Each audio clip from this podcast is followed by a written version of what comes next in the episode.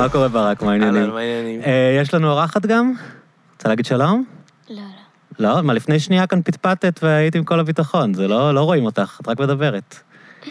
אני, מע- אני מעדיפה אה, להיות בעילום שם. אוקיי, אז לא להגיד את השם שלך?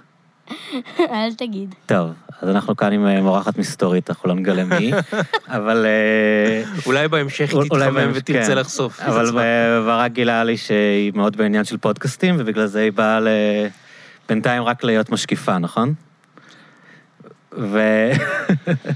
טוב, בסדר, אני לא אכריח אותך לדבר. חשבתי שיש כאן איזה רגע, אבל לא משנה. אז אנחנו נתחיל פשוט כאילו את לא כאן, ואם יהיה לך מה להעיר, תעירי, טוב? כן. טוב. אז מה שלומך?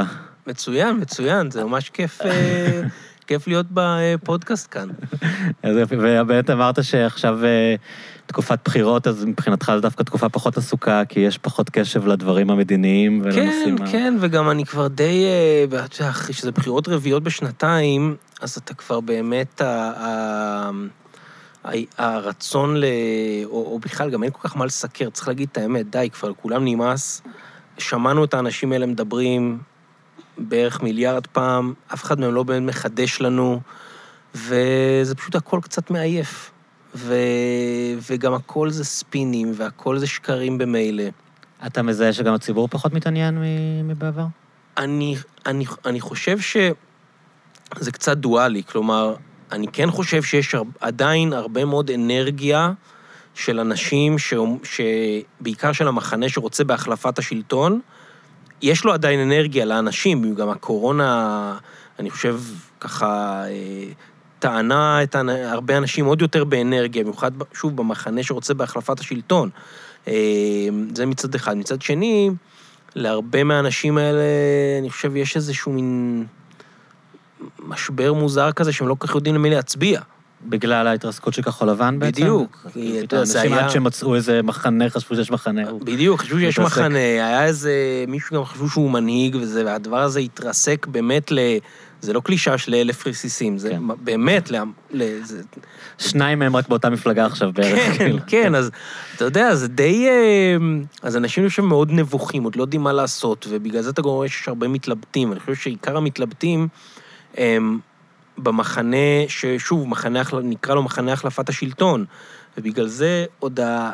אני חושב שכל הסקרים שאנחנו רואים, אני חושב שה... אני לא אומר שאין בהם מגמות שהן כן אפשר ללמוד מהן, אבל חושב שבסוף, אה, במיוחד בצד של, עוד פעם, שהוא לא נתניהו, אה, יהיו עוד הרבה מאוד, אה, הרבה מאוד שינויים. זה נורא מעניין, כי בדרך כלל בחירות הן לא מעניינות כשאתה חושב שאתה יודע מה התוצאה.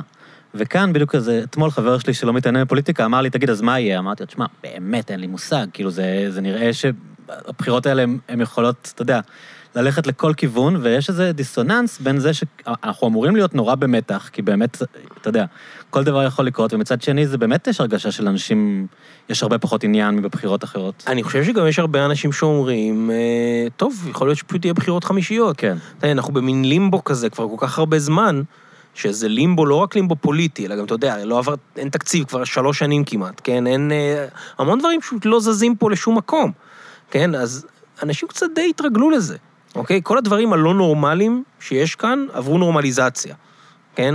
אה, אוקיי, ארבע בחירות בשנתיים, בסדר, ראית, אנשים לא כל כך... אה, לא כל כך הזיז להם שהכנסת התפזרה וזה, ואני חושב שגם לא ממש יזיז להם. אני, אני זוכר שאני דיברתי על זה עם אסף זמיר, אה, כשהם באו והציגו את, ה, את, ה, את ממשלת האחדות, ואמרו, אי אפשר לגרור את הציבור לבחירות רביעיות.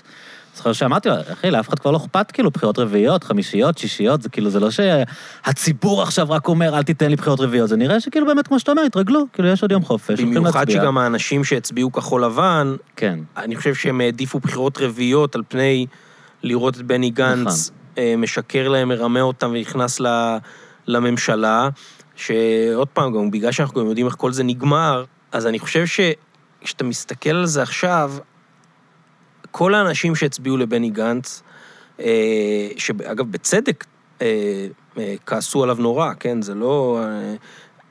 הם עכשיו נמצאים במצב שהם, אני חושב שהם עוד יותר, נגיד, רוצים בהחלפת השלטון, עוד יותר כועסים, אבל הם די במצב שאין להם כל כך אה, כתובת ברורה. בגלל זה אתה עדיין רואה, דוגמה, מנדט עד שניים של אנשים שהצביעו כחול לבן, ומצביעי אומרים שיצביעו בנט, שזה בעיניי כן, זה הזיה. דבר הזוי. או אפילו אנשים שהולכים להצביע לגדעון סער, שזה איזה ארבעה מנדטים. שאנשים שיצביעו, כן, לא רק כחול. לבן, אנשים שיצביעו כחול לבן, או ליברמן, או מפלגת העבודה, או אפילו... יש אנשים שהצביעו מרץ בבחירות הקודמות ומצביעים עכשיו לגדעון סער. אני יש אנשים חושבת- כאלה. שלפעמים יש את זה גם בתחומים אחרים, אבל גם בפוליטיקה, לדעתי. האנשים האלה רוצים משהו חדש, ורוצים לתת למשהו חדש צ'אנס. אבל כן. אני אה, לא באמת יודעת, כי אני לא פוליטיקאית. עוד רמז לזהות המסתורית שלי, אבל אה, אני לא כן, פוליטיקאית. נשמעת בגיל של... אז פוליטיקאי. אני לא יודעת איך אה, פוליטיקאים מתכוונים לעשות משהו בנוגע לפלונטר שכל המדינה נתקעה עליו. אני לא חושב שגם הם יודעים, אני גם כן. חושב שפוליטיקאים לא יודעים. לרוב זה הם מעדיפים לא. לעשות. כן, הם מעדיפים לא לחכות לעשות. לראות מה קורה. בדיוק, בדיוק. אתה חושב שזה ישפיע על אחוזי הצבעה, העניין הזה? אמ, אני לא בטוח. אה, לפחות עוד פעם, אני לא חושב שאחוזי הצבעה אמ, במחנה שרוצה בהחלפת השלטון אה, ירד. כן, אני חושב שהוא בכל זאת יישאר אותו דבר. אגב, אתה רואה שגם, לדוגמה, אה, אחוזי ההצבעה במגזר הערבי, שבהתחלה אמרו, זה ירד מתחת ל-50 אחוז, זה יהיה 52 אחוז, עכשיו כבר מדברים על 57 אחוז, 59 אחוז. זה מתחיל לטפס. אז זה מתחיל לטפס. אמ, אני, השאלה הבאמת גדולה אצלי, זה מה יקרה אה, אצל הליכודניקים ואצל החרדים. כי אצל הליכודניקים, אתה מסתכל על המספרים של נתניהו בסקרים, ואתה מסתכל על, אה, על, על כמה מנדטים עברו נגיד לגדעון סער, ואתה רואה שזה...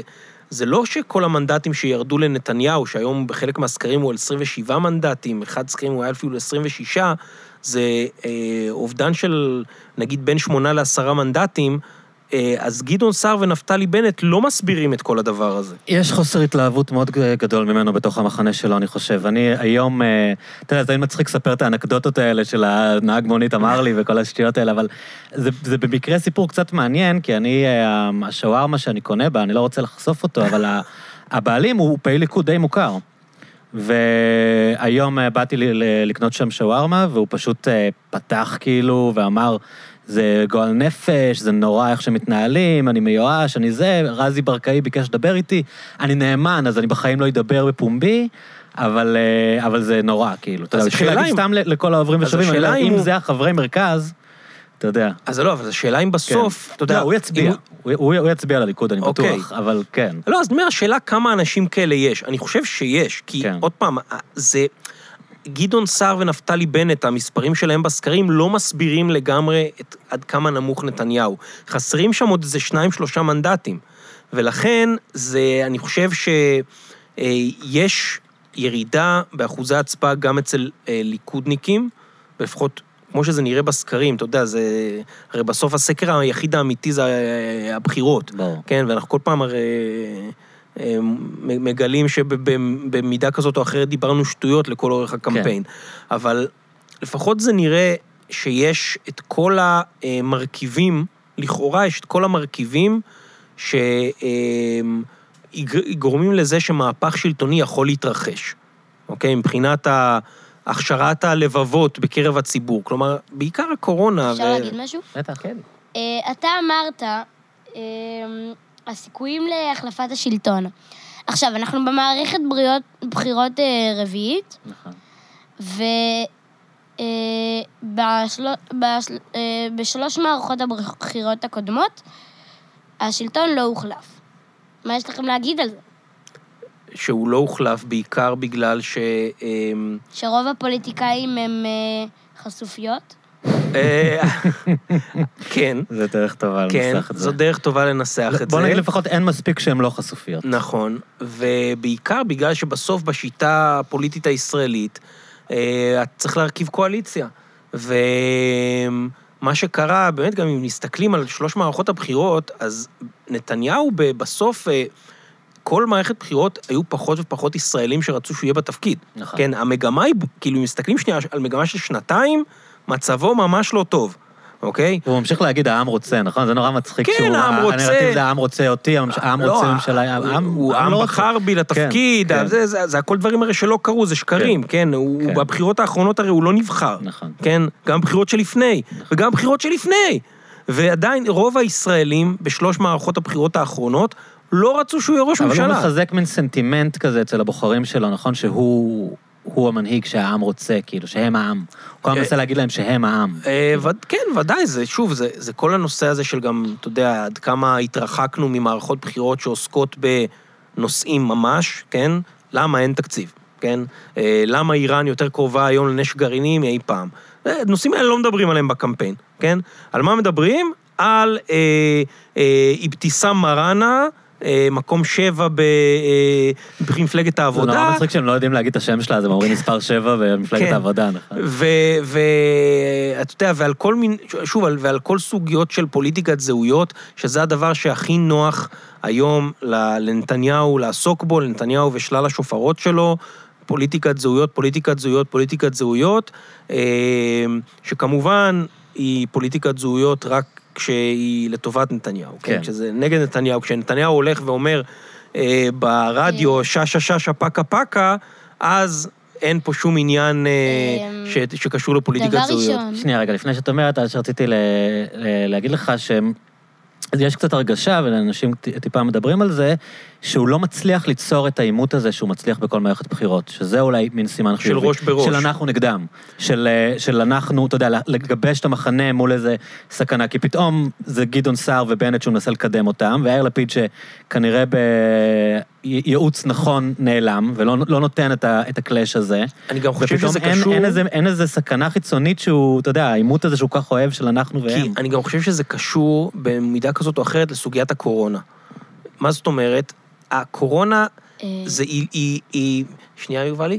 הקורונה היא נושא אה, שהוא לא נושא של ימין ושמאל, לא יעזור. Mhm. אה, באמת, כי הוא, והוא, גם, והוא גם באמת נוגע לכולם. אין מישהו בישראל שזה לא משפיע עליו. אתה יודע, נושא כמו דת ומדינה, יש אנשים שזה לא מזיז להם. נושא כמו הכיבוש, יש אנשים שזה לא אכפת להם. נושא כמו כלכלה, יש אנשים שלא מתעניינים.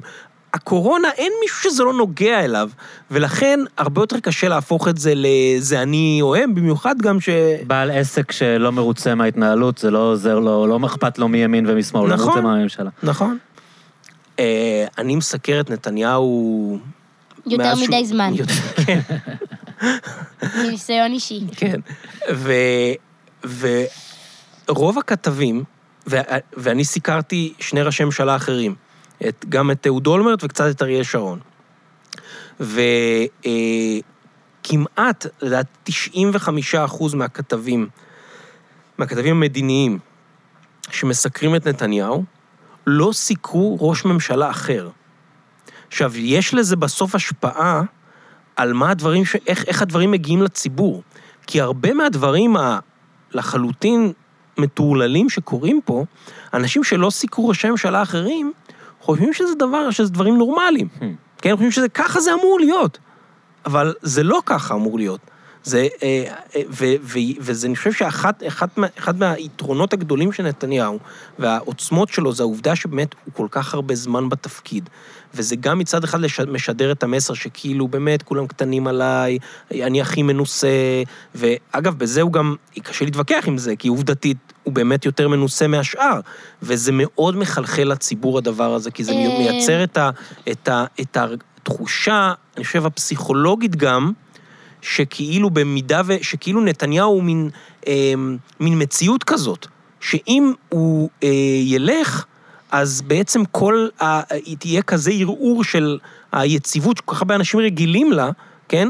אגב, גם אלה שלא אוהבים אותו, כן. כן? שזה, אני חושב שהרבה מאוד אנשים, הם, הם ממש אה, פסיכולוגית, קשה להם לחשוב על, על היום שאחריו. יש גם עניין, אני חושב, שדיברת על, ה... על המקום של העיתונאים, אני הרגשתי בסבב הרעיונות האחרון, עד הרעיון עם אודי סגל, שבאמת עשה אה, עבודה אה, טובה, שזה, שההרגשה היא שגם יש איזו יראת כבוד כלפיו. כלומר, לא, הם לא מראיינים אותו כמו שמראיינים פוליטיקאים אחרים, הם לא מראיינים אותו כמו שהם ראיינו אותו בקדנציה הראשונה, הם לא מראיינים אותו כמו שראיינו את אהוד ברק כשהוא היה ראש ממשלה. יש כזה מין, באופן כנראה תת-מודע, אה, מין אה, יראת כבוד אליו, שהם אומרים שגם יש לפוליטיקאים אה, יריבים שלו. כאילו, הוא מדבר עכשיו, פחות, פחות נכנסים לו במילים, צוחקים מהבדיחות שלו, לא מדברים איתו כמו שעכשיו מראיינים את חולדאי, כאילו. נכון, אני חושב שגם אחד מהדברים שהוא... הוא, הוא עוד פעם, זה דבר קטן, אבל אני כן חושב שיש לו השפעה. אה, ואמרתי את זה למישהו ששאל אותי על הרעיון המצוין של אודי. אודי באמת מכיר אותו המון שנים. המון שנים. וכאילו, ואי אפשר, הוא, הוא, הוא, הוא לא אוכל שום לא, טריק, הוא, כאילו. הוא לא, לא, אני אומר, הוא כבר, הוא כבר יודע אפילו. לצפות מראש בכמעט כל מהלך שלו. זה באמת שני אנשים שמכירים אחד את השני המון המון שנים, ומכירים לא בקטע של אני יודע מי זה, כן, אלא מכירים ב... כשאתה מסקר ראש ממשלה, כריפורטר, אתה באמת מגיע להיכרות איתו ברמה מאוד אינטימית. שהוא איתו בטיסות לארה"ב נגיד. זה אפילו לא טיסות, אתה יודע, אתה, כל העבודה שלך כל היום זה לגלות מה הוא עושה עכשיו. Hmm. מה הוא עושה עכשיו, מה הוא עושה עכשיו, זה, זה כל הזמן. יש ימים שאתה לא יודע איפה הוא נעלם, אתה, אתה אשכרה נלחץ, כאילו הוא הלך לך לאיבוד. כן? אה, אז אתה אומר של... אה, לרגל אחרי ראש הממשלה. לא, זה לא לרגל, זה. עיתונאי, לא לרגל. עיתונאי אמור ל... ל- ל- זה נקרא לזה יותר לפקח. אני חושב שלפקח זה אולי... מרגל עושה את זה באופן אה, סודי. אבל ל, ל, לעניין הזה של הרעיונות עם נתניהו, אני חושב שבאמת, באיזשהו מקום, אמ, אני כן מסכים איתך שדי נשבר איזשהו, אמ, כאילו, יש פחות ופחות כתבים שמוכנים אה, לסבול את השקרים ואת ההתנשאות של נתניהו. ואת, ואת ההתקפות, ואת כן. הביטול, ואת כל הדברים האלה. ואני חושב שהרבה מזה, אגב, גם מושפע ממה שקרה מעבר לים, כן. ממה שקרה עם טראמפ. הננה הזה ממש נראה כאילו הוא מנסה ללמוד מה טראמפ עשה ולעשות גם. כאילו, לה... אתה יודע, זה מין דברים שלא הכרנו ממנו, זה נראה אם הוא כאילו יש מנסה לו טריקים ללמוד חדשים. מה טראמפ עשה, כן, אז אני מקווה שהוא ימשיך עם זה עד הסוף. עד שהוא יפסיד. כן, בדיוק. אבל זה נכון, כי הוא באמת מנסה גם לקחת הרבה דברים מהקמפיין האחרון של, של טראמפ, התקפות על התקשורת ו, ודברים אחרים. אגב, לדוגמה, שהוא, יש ממש מסר שטראמפ היה קורא לתקשורת מפלגת האופוזיציה. מהמם. ונתניהו התחיל בימים האחרונים להגיד את זה.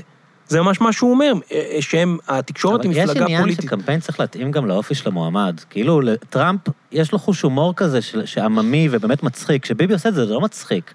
אני, בתור בן אדם שאתה לא יכול לחשוד שאני מחבב את טראמפ, הוא לפעמים הצחיק אותי, אתה כן. יודע, לפעמים זה היה מצחיק. וגם במקרה... כשביבי עושה נה נה נה נה נה נה, אני לא חושב שמישהו באמת צוחק בבית, זה מרגיז, זה נראה, לא, זה נראה out of character. וגם יותר מזה, אה, טראמפ הוא היה יחסית חדש בזירה הפוליטית. כן. נתניהו כבר המון שנים פה, וגם אני חושב זה, אתה לא יכול לשנות קריקטר בצורה אה, כזאת נכון, קיצונית. נתניהו באמת חדש ב... אה, אה, לא חדש בפוליטיקה, ובגלל זה, כשהוא אומר נה נה נה נה נה נה, הוא כזה מנסה להצחיק ולבדר נכון. ודברים כאלה, אבל זה פחות יוצא כי הם מכירים אותו. ואת את מה שהוא נוהג לעשות, זה לא מתאים לדמות שלו. ואת איך שהוא אה, נוהג אה, לעשות קמפיינים. והנה נה נה נה נה הוא מנסה לבדר, מנסה להצחיק.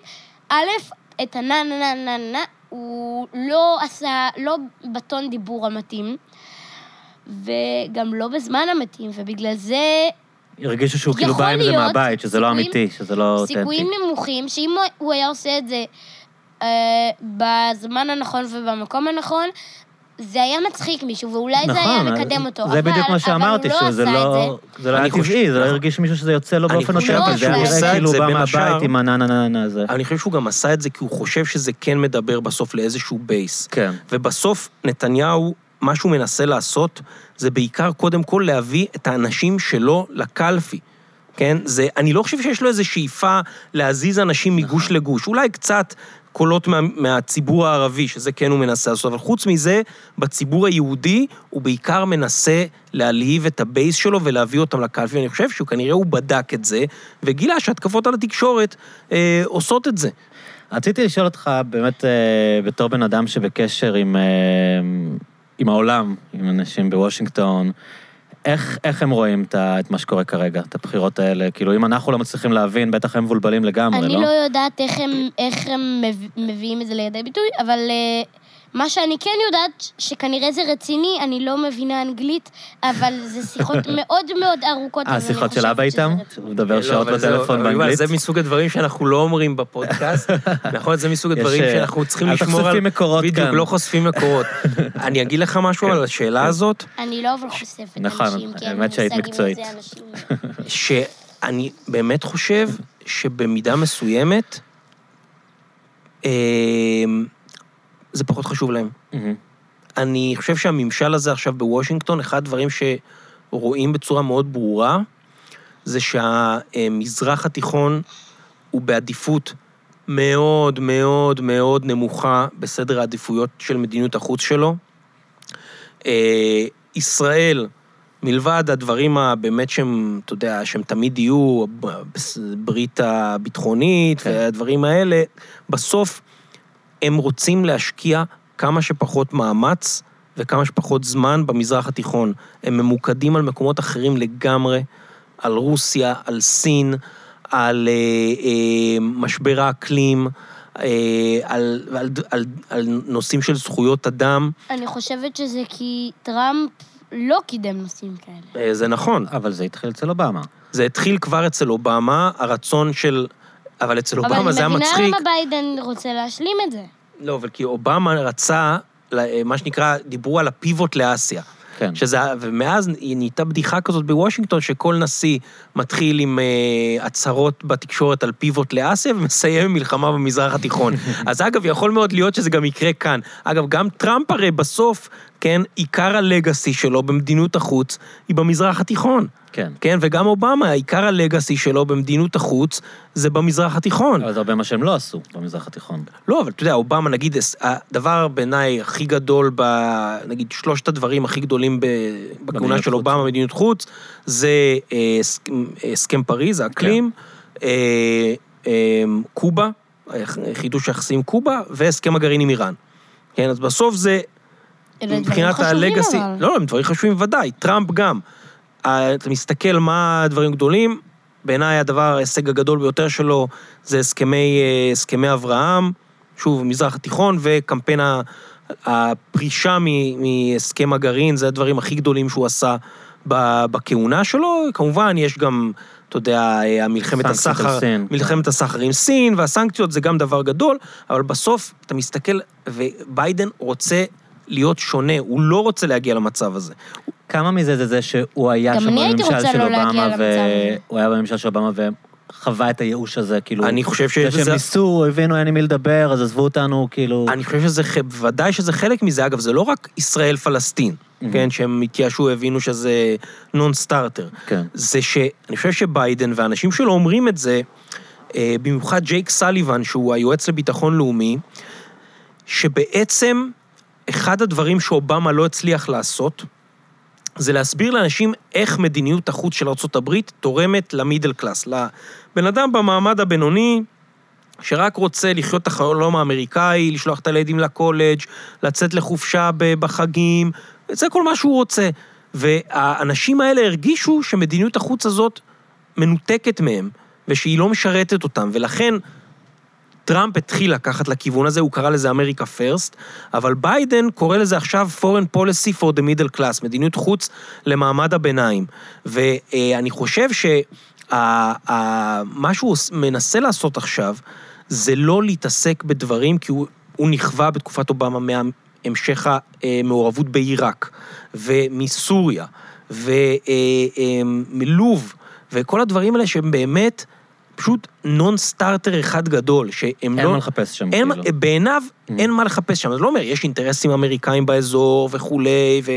כ- כ- אבל ברגע שכבר האינטרס של ארה"ב באנרגיה הוא פחות במזרח התיכון, והולך למקומות אחרים, במיוחד שביידן רוצה בכלל לקחת את זה לאנרגיה חלופית וירוקה ודברים כאלה, ועניין של זכויות אדם הוא הרבה יותר משמעותי, והוא אומר, מה יש לסיסי ומוחמד בן סלמן, מה לי ולהם?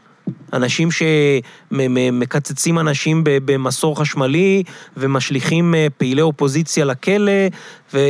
אז, מה לי ולהם? ומה יש לחפש בסוריה? ומה יש לחפש ב- בעיראק? ואני חושב שבגלל זה ביידן רוצה אולי קודם כל למזער נזקים מבחינת הנושא האיראני, כן? לחזור לאיזשהו משהו ש...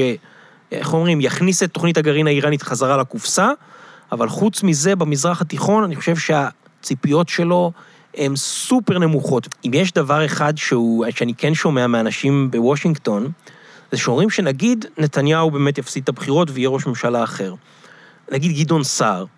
אז אחד הדברים לא שאני היו שמעתי פה. מהם, לא, זה שאומרים לי, אתה יודע מה זה בשבילנו ראש ממשלה שהוא לא כל שני וחמישי עולה לשידור בפוקס ניוז כי הוא יכול, כן? או אתה יודע מה זה אומר שזה ראש ממשלה שלא מכיר 30 שנה אחורה את כל כל הסנטורים. הסנטורים ואת כל חברי הקונגרס, עבור נשיא מבחינת אמריקה... הפוליטיקה הפנימית בכלל, לא כן, מבחינת מבחינת ה prospect פוליטיקה לעשות. דברים. לא, לא, ב- פוליטיקה ב- פנימית ב- באמריקה. הם אומרים, אתה מבין איזה... הבן אדם הוא כאילו מין מטרד קבוע במשך אה, עשרות שנים כבר מבחינתם. גם הוא, ב- הוא, אני חושב שהוא גם רואה את זה, את עצמו ככה, הוא שחקן בפוליטיקה האמריקאית. כן. אתה יודע, נתניהו, אם הוא היה נולד בטקסס או באלבמה, אין לי ספק? שהוא היה, או בפלורידה, הוא היה, אין לי ספק שהוא היה נבחר להיות סנאטור בוודאות. כן. אין לי ספק שהוא היה רץ לנשיאות, וגם אני בסבירות גבוהה מאוד, הוא היה מנצח. כי הוא, הוא המועמד הרפובליקני המושלם. הוא יהיה, יש הוא כל מיני- יהיה סנאטור בכיר אם לא נשיא. כן. ואז יהיה הרבה יותר גרוע. לא, אבל הוא לא יכול כי הוא לא כן, הוא נולד לא שם. יכול, כי הוא לא נולד בארצות הברית. יש שם- כאילו, זה מה ש... נגיד שהוא היה נולד שם. אבל זה ככה גם שרה אמרה. נכון, היא אמרה, אם כן. היינו נוסעים ל... כן. ביבי היה נבחר באמריקה, והיא עוד אמרה יותר מזה, היא אמרה, אנחנו ניסע לאמריקה ושהמדינה תישרף. נכון, אבל היו- באמת לאורך השנים כל מיני פרשנים רפובליקאים שאמרו שהלוואי, למה אין לנו מועמד? מוצלח כמו נתניהו. אז אתה יודע, לא, נגיד, לא.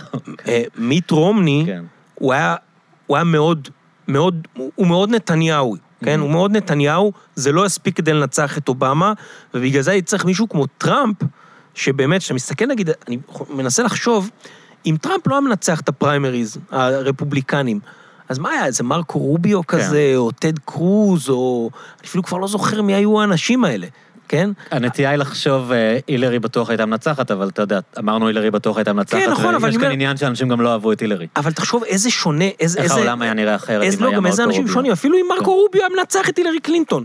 העולם היה נראה אחרת לגמרי, וטראמפ, הרי מה שהוא כי עשה זה שהוא פשוט לקח את המפלגה הרפובליקנית. הוא לקח את המפלגה הרפובליקנית למקומות שהם לא רפובליקנים.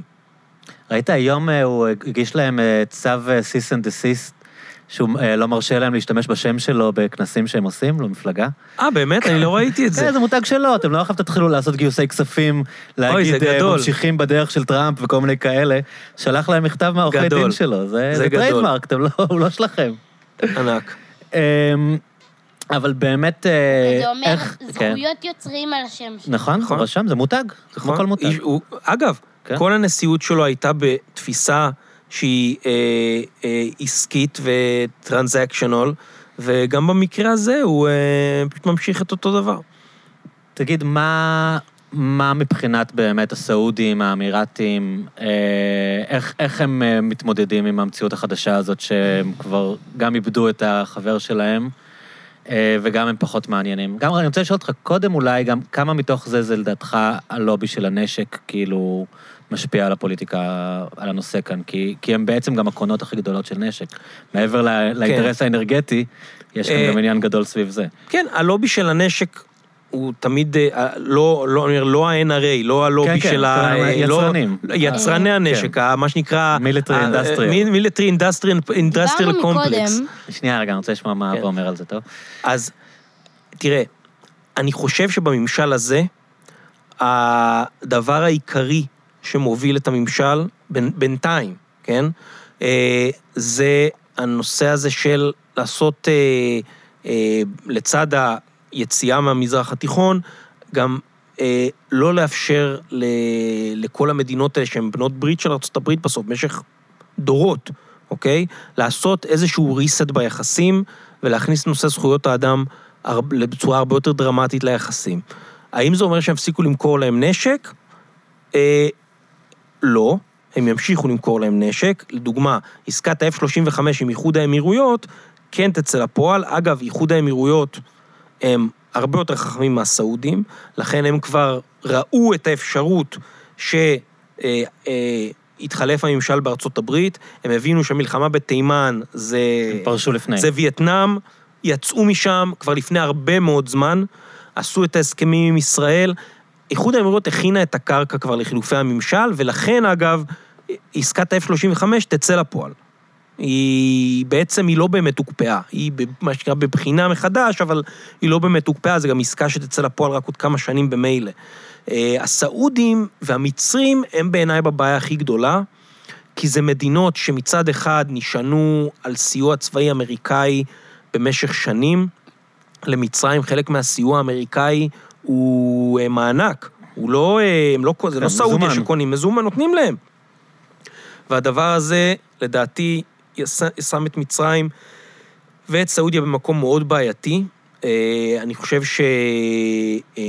שמבחינת ישראל יהיו לזה גם משמעויות. כלומר, קח את מצרים לדוגמה, מצרים היום מבחינת שיתוף פעולה ביטחוני עם ישראל הוא ההדוק ביותר שהיה אה, אי פעם. מצרים נשענת על ישראל להרבה מאוד אה, דברים, והמצרים גם רוצים שישראל תעזור להם, אבל הרבה ישראלים אמרו לבכירים במצרים, אמרו להם, תקשיבו, חבר'ה, העולם השתנה, תתעוררו. אי אפשר להמשיך יותר עם הנושא הזה של אה, שאתם אה, עוצרים את מי שבא לכם, ויורדים על פעילי אופוזיציה, ומונעים הפגנות, ומונעים חופש ביטוי. אתם חייבים להבין, זה נגמר, והמצרים עוד לא מבינים את זה. הסעודים מתחילים להבין את זה, לרוע מזלם, הם גם הודיעו, מודיעים כל יום, שני וחמישי עכשיו על רפורמות, שחררו מהכלא את uh, מובילת המאבק למען uh, היתר נהיגה לנשים בסעודיה, uh, והם כן עושים צעדים, רק מה, זה כבר מגיע אחרי פרשת חשוקג'י, שבאמת, uh, אני חושב, חיסלה את הסעודים אצל שתי המפלגות בארצות הברית. איך, איך אתה רואה את הסיפור של חשוקג'י? כי אני, נגיד, דיברתי עם שמרית אה, מאיר פה על זה, והרבה הרבה אנשים כאלה שרואים את עצמם כיותר ריאליסטים, אומרים כאילו, big news שדיקטטורים מחסלים את ה... אתה יודע. כאילו, אין כאן, אין כאן משהו? משהו מאוד מיוחד בזה שהם נפטרו ממתנגד? משטר. כן. מה לעשות? אפשר להגיד משהו? כן, אבל אני רק רוצה לגמור את השאלה, ואז טוב. שהם הם אומרים, כאילו, אין, אין, אה, אין כאן איזה עניין מיוחד בזה שתמיד הם נפטרו ממתנגדי משטר. אה, וחשוקג'י זה מין מישהו כזה שעבד בוושינגטון פוסט, והיו לו הרבה חברים אמריקאים. אוקיי, זה, זה, זו לא, אבל בדיוק- זה כאן בדיוק איזושהי, ההבדל. כאילו, איזושהי כפילות מוסרית, כאילו, בלהיתקע דווקא לסיפור שלו, בזמן שנגיד, היא אומרת, אני כפמיניסטית, מאוד חשוב לי הדברים שבן סלמן עושה, ובאמת מצב הנשים בערב הסעודית השתפר, ו- וכאילו המציאות יותר מורכבת מלהגיד, יש לנו את המקרה המאוד גרפי הזה, עם הסלבריטי הזה שחיסל אותו, זה לכשעצמו לא הופך את MBS לאיזה משהו יותר מתועב מה, מהרגיל של המזרח התיכון. לא, כאילו. אבל מה, ש... מה MBS עשה, אתה יודע, נכון, הוא עשה צעדים ל... לתת יותר זכויות לנשים, וזה חשוב, כן? אבל הוא גם זרק לכלא את זאת שהובילה את המאבק. כן. למה? כי בסוף, כן, הוא לא רוצה שיהיו עוד גורמי כוח פוליטיים בתוך הממלכה, וזה הוא לא רוצה שיהיה, כן? עכשיו, אה, בסוף, בעולם שבו... אה, מה לעשות, בארצות הברית של היום, אם אתה לא טראמפ, שבאמת לא אכפת לו מהנושאים האלה, בארצות הברית הנושאים האלה חשובים. ואתה לא יכול פשוט, מדינה שנשענת על ארצות הברית לביטחונה, ושארצות הברית משתפת את הפעולה בכל כך הרבה, במשך כל כך הרבה שנים, אין מה לעשות, היא, היא לא יכולה לחשוב שדברים כאלה אה, יקרו ואף אחד לא ישים לב.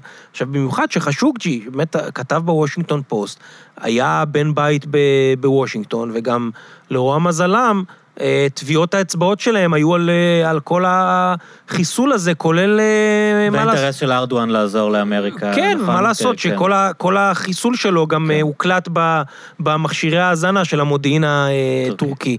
כן, יובל, מה רצית להגיד? לא, זה כבר לא רלוונטי. טוב, אז כן. אם אחרי זה זה יהיה רלוונטי, תגידי. טוב.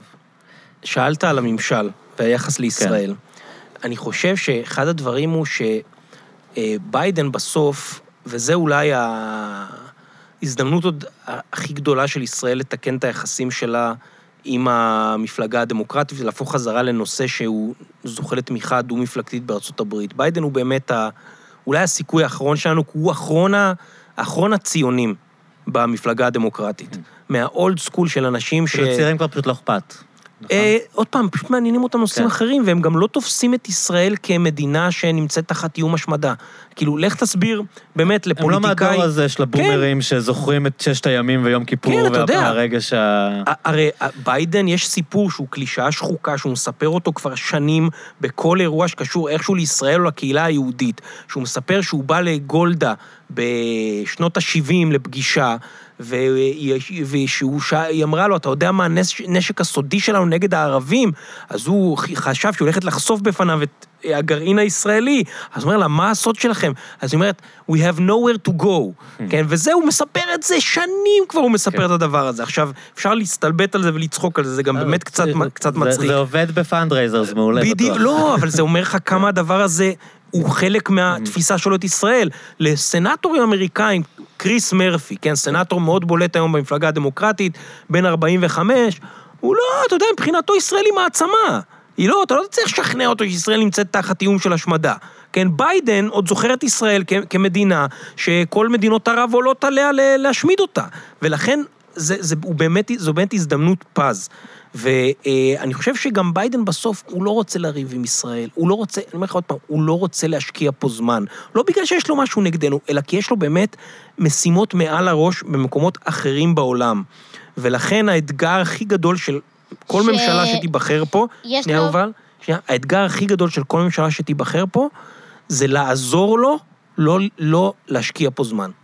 לא לעשות דברים שימשכו אותו בעל כורחו להתעסק במזרח התיכון ובישראל, לא לעשות כל מיני פרובוקציות שיחייבו אותו להגיב, ואיכשהו לנסות אה, אה, לאפשר ל- למערכת היחסים הזאת להיות הרבה יותר, נקרא לזה, נורמלית ורגועה ממה שהיה בתקופת אובמה.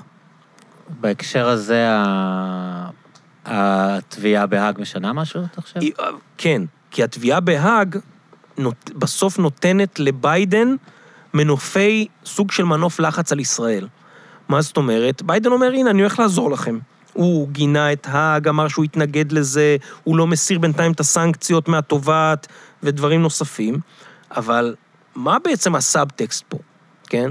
הסאבטקסט פה זה, תשמעו, אני עוזר לכם, אל תעשו שום דבר שיפגע בזה. ולכן אני חושב שזה מאוד ירסן כל ממשלה שתהיה פה מלבצע אה, צעדים כמו סיפוח, ודאי שלא, אבל אפילו בנייה אה, דרמטית בהתנחלויות, לדעתי הבנייה בהתנחלויות תהיה מאוד מרוסנת, אה, לפחות כל עוד יש את התביעה הזאת בהאג. ואני אגיד עוד משהו, מה הבעיה? שבהאג הרי יש כמה, נושאים שעל הפרק, גם עזה וגם ההתנחלויות. בנושא של עזה מאוד קל לביידן אה, לעזור לישראל, כן? כי זה דומה מאוד גם לתביעות שיש נגד חיילים אמריקאים על אפגניסטן ועיראק ודברים כאלה. אה, וזה משהו שהוא יותר, אה, אפשר להסביר, אפשר להסביר אותו, כן? יש גם, ישראל עשתה בעצמה חקירות, זה הגנה עצמית, ירו עלינו טילים, אפשר להסביר את זה. בנושא ההתנחלויות, ביידן לא מתכוון לנקוף אצבע כדי להגן על ההתנחלויות, אוקיי? ולכן ישראל כי אלה תצטרך למצוא... התנחלויות, אלה לא בתים כמו... זה לא מקומות כמו שאנחנו נמצאים בהם בישראל. טוב, זה תלוי את מי את שואלת. כן, יש הרבה אנשים שחושבים שזה גם כן, חלק אבל- ממדינת ישראל. אנשים שנולדו שם וזה כאילו הבית שלהם, ב- זה מה שהם מכירים. בישראל, ש... ש... שבחלק של ישראל שלא אומרים, זה כן שלנו, זה לא שלנו. נכון, זה באמת נושא במחלוקת, ולא, הוא לא במחלוקת בעולם, הוא במחלוקת בישראל. אה, כן, אני אומר, בעולם כן. יש קונצנזוס מוחלט כן. נגד, ולכן יש פה לביידן בעקבות האג אה, אה, מנוף לחץ מאוד גדול על ישראל, ולכן כל ממשלה שתהיה, אתה יודע, אתה אומר, אה, בנט וגדעון סער באים ואומרים, אנחנו, ביבי הוא לא באמת היה ימין, אנחנו נהיה ימין, ניישם את מדיניות הימין. הם, נניח שהם יקימו את הממשלה, אני חושב שהם יגלו מאוד מהר שהם פשוט, ידיהם כבולות בהרבה מאוד נושאים. עכשיו, אני אגיד עוד משהו. אחד הדברים שלא לא עניינו את טראמפ בכלל, זה עוד פעם, זה נושא זכויות אדם. וזה רלוונטי גם לישראל, אוקיי? כי ביידן, אני חושב שלדוגמה, תחת ממשל אה, אובמה או ביידן, חוק כמו חוק הלאום לא היה יכול לעבור. Mm. פשוט לא היה עובר.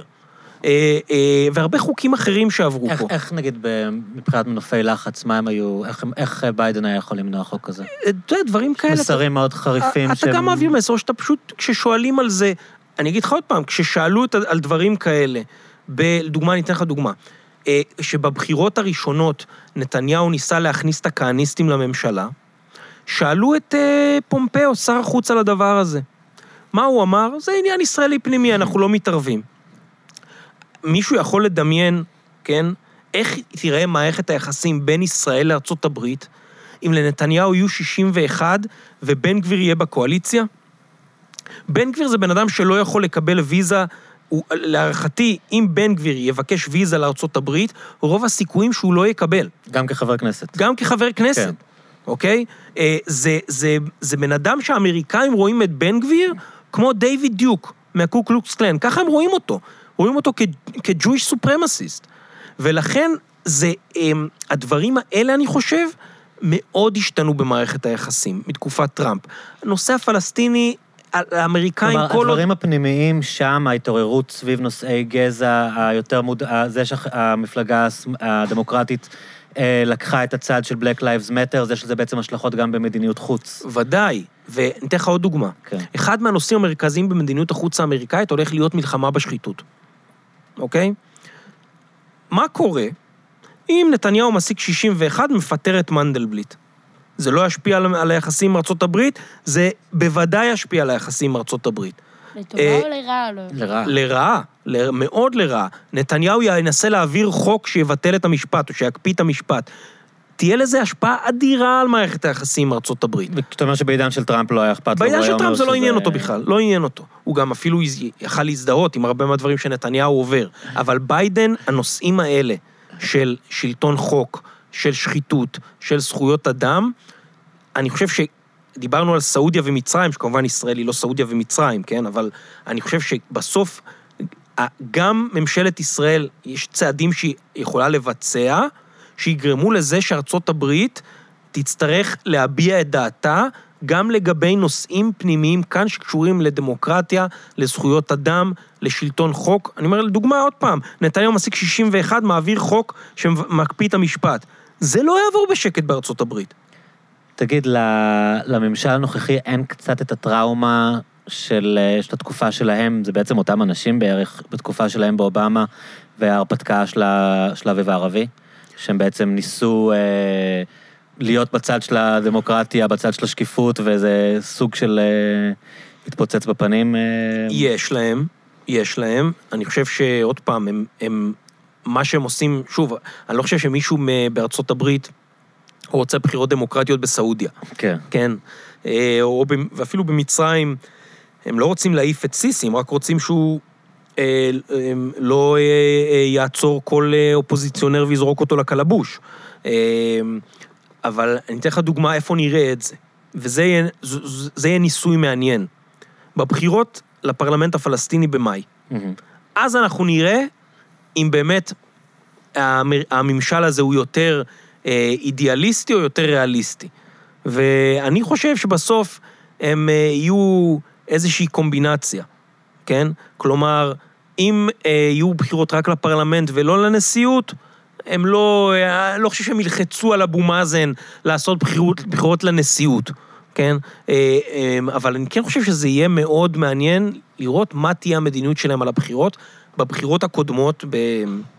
לפני כבר 15 שנה, הרי ממשל בוש באותו זמן לחץ על ישראל ועל אבו מאזן לאפשר לחמאס להתמודד, נכון? כי הם, הם היו הכי בחזון של דמוקרטיה במזרח התיכון.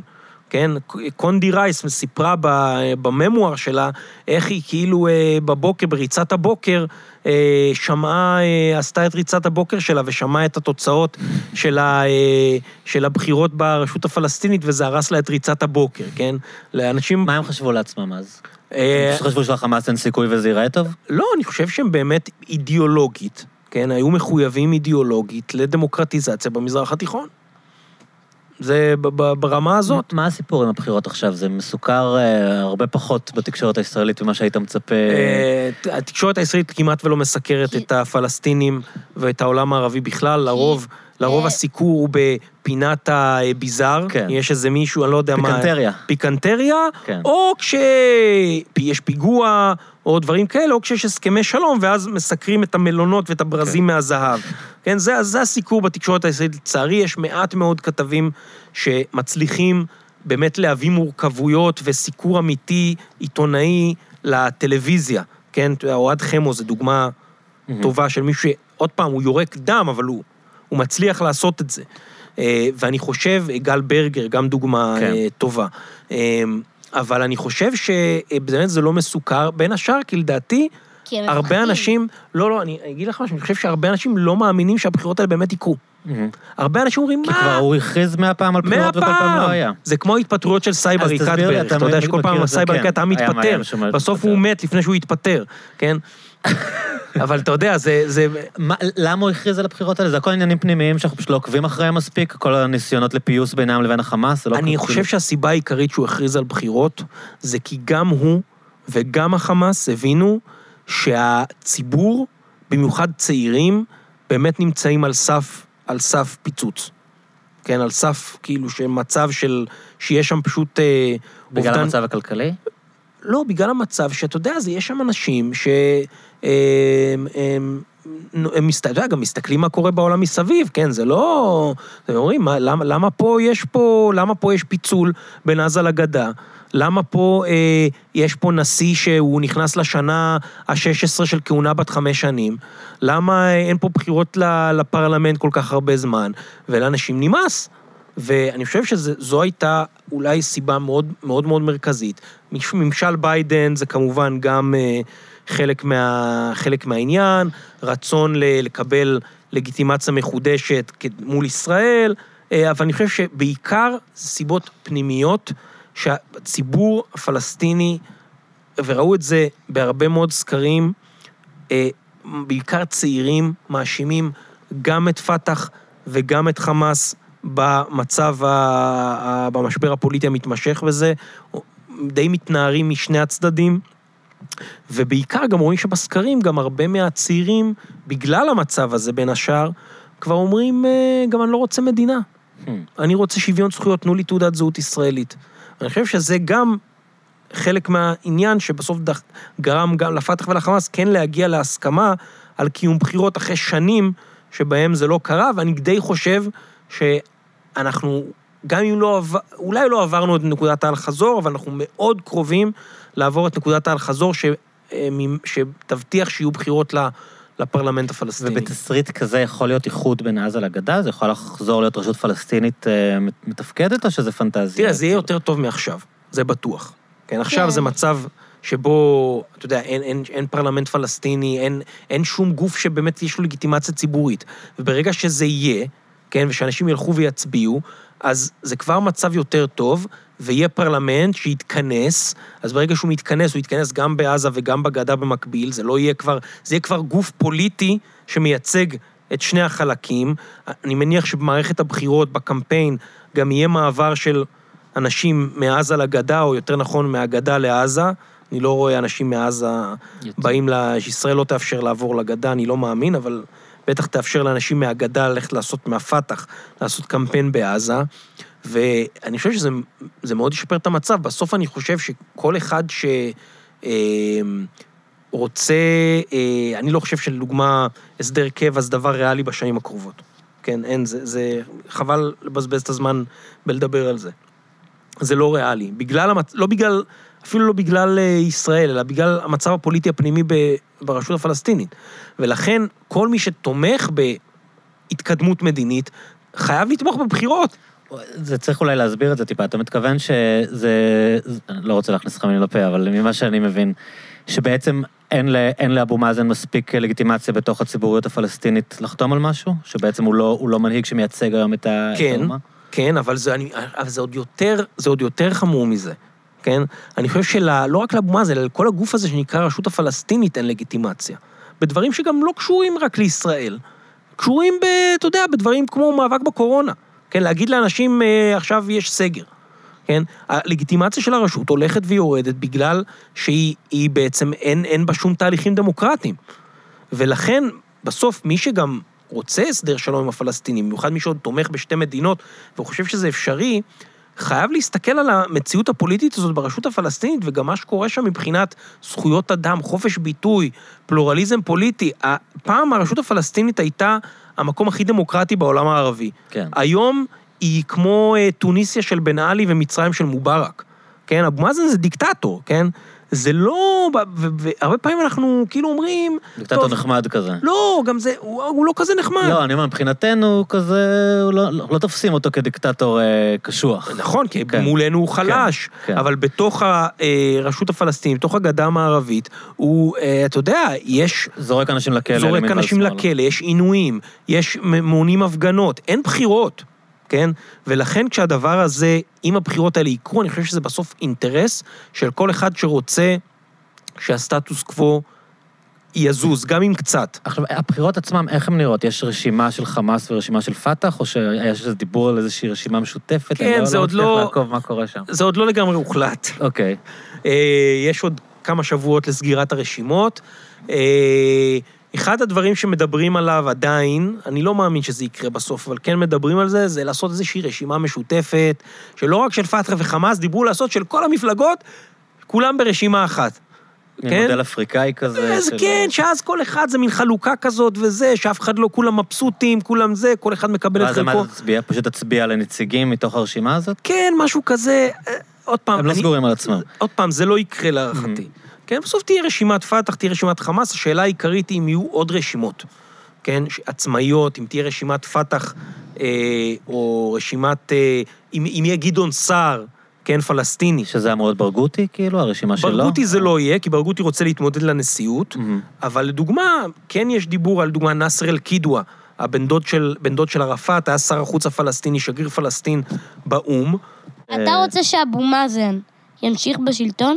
לא, אני רוצה שיהיו, קודם כל, אני רוצה שיהיו בחירות דמוקרטיות ברשות הפלסטינית, כי אני חושב שזה בסוף משרת את, גם את האינטרס מה הישראלי. מה הסיכויים ש... אז אני אומר, הולך להיות במאי, יהיו בחירות לפרלמנט, אני חושב שסיכויים גדולים מאוד שהם יקרו, ואני חושב שזה יהיה שינוי פוליטי מאוד מאוד גדול. וגם אם לא יהיו אחרי זה בחירות לנשיאות, דרך אגב, אלא רק בחירות לפרלמנט, זה דבר שגם את ישראל יחייב לאיזשהו שינוי בתפיסה. למה? כי עד היום, אה, אחרי הבחירות הקודמות, בגלל שהחמאס ניצח, כן?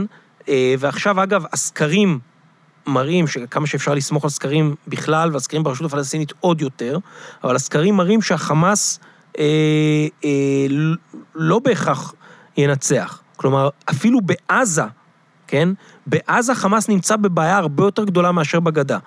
כי בעזה יש תסיסה אמיתית של תושבים שפשוט נמאס להם, חיים בזבל מאז שחמאס השתלט על עזה, כן, מאז 2007. אה, ולכן מצבו הפוליטי של חמאס לא משהו בכלל. אז זה מעניין שאנחנו מדברים כל הזמן על אה, אם אבו מאזן יאפשר דמוקרטיה, אבל בעיה לא פחות חמורה זה אם החמאס יאפשר דמוקרטיה אז, בעזה, אז לא? אני אומר, כאילו, לחמאס יש אינטרס. גם מבחינת הבחירות עצמן. לחמאס יש אינטרס שהבחירות האלה יקרו, גם אם הוא יפסיד. כי? כי דבר ראשון, הוא מבין שלהיות אחראי ולהיות עם הסמכות ולהיות הממשלה, זה יותר קשה ממה שנראה, כן? וזה לא היה ניסוי כל כך מוצלח בשנים האחרונות. ודבר שני, כי אחד התנאים של חמאס הוא שחברי הפרלמנט מטעמם שייבחרו, גם ייכנסו לתוך מוסדות אש"ף. שזה עד היום חמאס לא היה חלק ממוסדות אש"ף, ואבו מאזן ניסה בכל דרך למנוע מהם להיכנס למוסדות אש"ף. והבחירות האלה יכניסו אותם למוסדות אש"ף. והדרך לקבל יותר השפעה פוליטית היא גם דרך מוסדות אש"ף. ולכן יש, זה תהליכים פוליטיים באמת מרתקים. זה נורא מוזר איך אנחנו לא מתעסקים בדברים האלה עד שלא קורה איזה שינוי טקטוני שפתאום אנחנו מתעוררים ו... אתה יודע, נכון. פתאום יום אחד אנשים קמים ואה, לא שמנו לב שזה קרה. נכון, ו... כי לא מתעניינים. הנושא הזה היום, כן. ביתר שאת בזמן הרבה, הקורונה... הרבה מאוד נושאים הם כזה... אם לא הייתה קורונה, היינו שמים לב אליהם, אבל... לא בטוח, אנשים כאן לא מתעניינים בפלסטינים הרבה כן, לפני הקורונה. כן, אבל אני לא רק אומרת על הפלסטינים, אני אומרת בכללי. אה, אז היינו שמים לב אליהם, אבל בגלל הקורונה, זה... אנשים מתים בכל מקום. באותה מידה זה יכול להיות סוף העולם. נכון, אבל יש דברים שמדברים עליהם שהם לא קורונה ועדיין על זה לא מדברים. אני אגיד לך, אני חושב כאילו, למה. אני חושב כי... שזה לא מעניין אנשים בלי קשר לקורונה, לא כי, בגלל כי הקורונה. כי בעצם יש לך מצב שבו אה, רוב הישראלים, כן, רוב הישראלים לא ראו פלסטיני hmm. כבר שנים. הם לא רואים נת- ברחוב שלהם באתר בנייה, הם פשוט לא יודעים שהם פלסטינים. לא, אז אני אומר, הם לא רואים, מה כן. זה באתר בנייה? אני אומר, לא, הם לא... אין להם הם- קשר בין אישי. פלסטינים הם לא חלק מהחיים. נכון. פה. רוב הישראלים הרי לא גרים בהתנחלויות, כן? אה, רוב הישראלים לא מבקרים בהתנחלויות. רוב רוב הישראלים... הישראלים לא יודעים הישראלים- איך נראים ההתחל... נכון, לא, אני אגיד לך יותר מזה. רוב הישראלים לא מגיעים למזרח ירושלים, אוקיי? ולכן הם לא נת... זה... ועכשיו, במיוחד מצב שבו גם בעזה, אם אין רקטות, אז באמת זה לא מעניין אף אחד. כשיש רקטות, זה מעניין רק את מי שהרקטות פוגעות בו. אה, כל השאר פשוט אני לא ממשיכים בטוחה בחיים שמי שלהם. שהרקטות פוגעות בו, הוא- זה- הוא יספיק להתעניין בזה שהיא פוגעת בו. לא, אבל אני אומר, לא, מי, ש... מי. שגר בדרום, כן. מן הסתם, הנושא הזה הוא משפיע על חייו. נכון. אבל מי שלא, זה גם לא מזיז לו, ובגלל שגם אחרי שנבנתה גדר ההפרדה, ולאור העובדה שגם הרשות הפלסטינית בעצמה נלחמת בטרור, אז אין לך באמת, אין פה פיגועי התאבדות, אוקיי? עכשיו, אתה ראית ש, שכן היה את אה, אינתיפאדת הבודדים, הנושא הזה חזר לשיח הישראלי. זה עצוב שזה כן. חוזר רק בגלל זה. כן, זה תמיד אמר, היו אומרים את זה תמיד, שכשיש טרור, אז איך אפשר לדבר איתם כשיש טרור, וכשאין טרור זה פשוט לא מעניין אף אחד. בדיוק. כאילו, אין, אין סיטואציה שבה אתה בעד לדבר איתם. זה, נכון, אבל... זה או שלילי או אפס. כאילו. נכון, אבל אני חושב, לכן אני חושב שהבחירות האלה הן בעיניי מרתקות, באמת מרתקות, גם בגלל שלא היו בחירות כל כך הרבה שנים, וגם בגלל שהן יחייבו, הן מגיעות בזמן ממשל ביידן, הן יחייבו את ישראל לשינוי מדיניות. ישראל לא תוכל להמשיך בחרם הזה על חמאס ו... ולהגיד לכל העולם, אל תדברו, אל תדברו איתם, זה כבר לא יעבוד. אה, בין השאר, כי גם כל העולם אומר לישראל, אתם מדברים איתם. אז מה אתם רוצים מאיתנו? כן.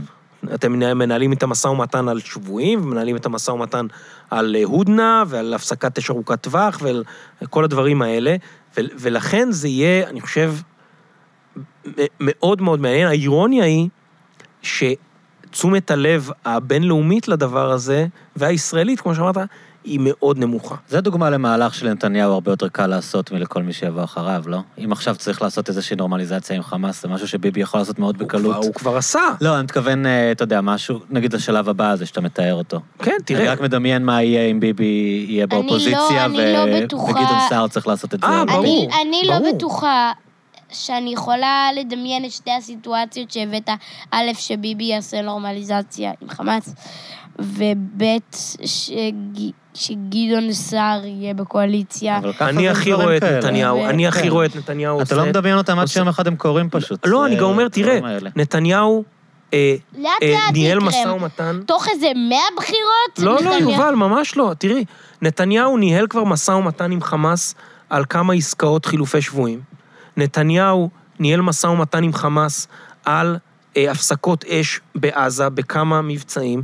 נתניהו מנהל משא ומתן עם חמאס על הפסקת אש ארוכת טווח. תסתכל, מי, למה, למה נתניהו, איך נתניהו, אה, דווקא הבן ברית היחיד שלו ברשימה המשותפת זה דווקא מנסור עבאס? כן. כי בסוף מנסור עבאס, זה הפלג הישראלי של האחים המוסלמים. חמאס זה הפלג הפלסטיני של האחים המוסלמים. יש בהם, ביניהם הרבה דמיון.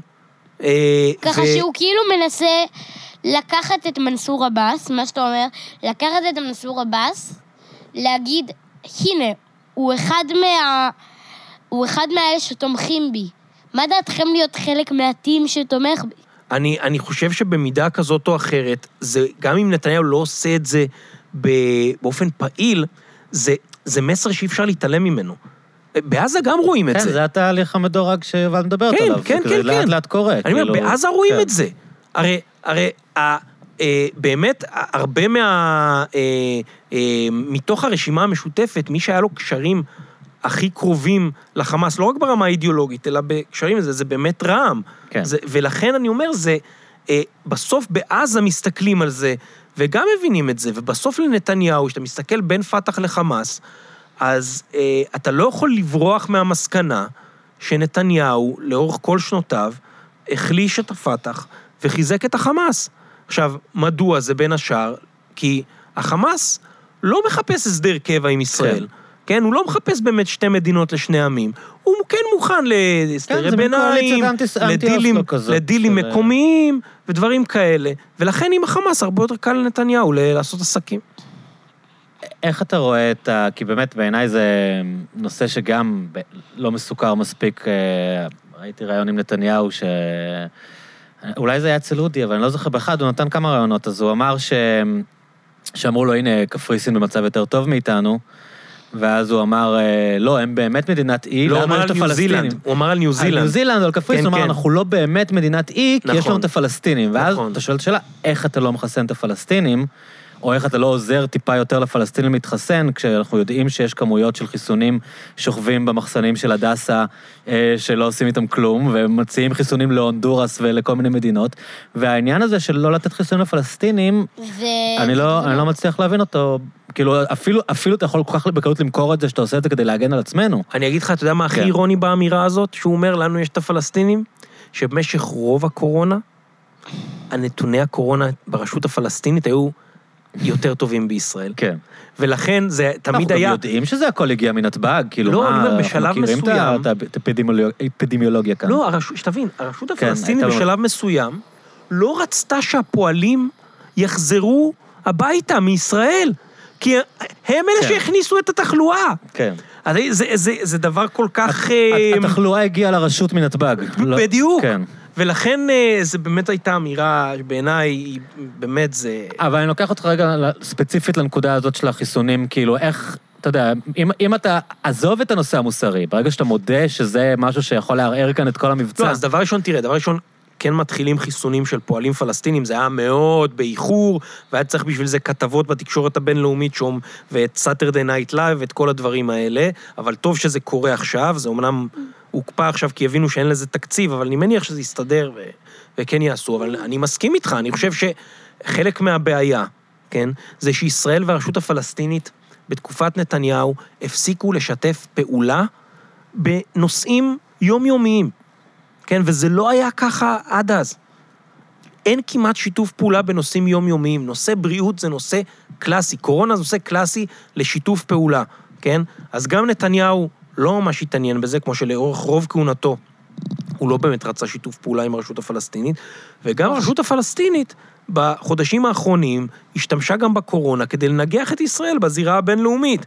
וזה זה מין מצב כזה שהוא די טרגי, שבו בשני הצדדים לא רוצים לשתף פעולה, למרות שזה ברור לכולם שאם הם ש, שאם ישתפו פעולה המצב ישתפר. המצב ישתפר, לא סתם ישתפר, אלא יכפיל גם, אני חושב, אני, אני לא יודעת, כי המצב הזה לא קרה, אבל עכשיו אנחנו מדברים תאורטית, אז אני מרשה לעצמי להגיד שלא רק שזה יכל להיות יותר טוב, גם אולי זה היה הופך את עזה ואת הגדה המערבית לא לעזה ולגדה המערבית. נכון?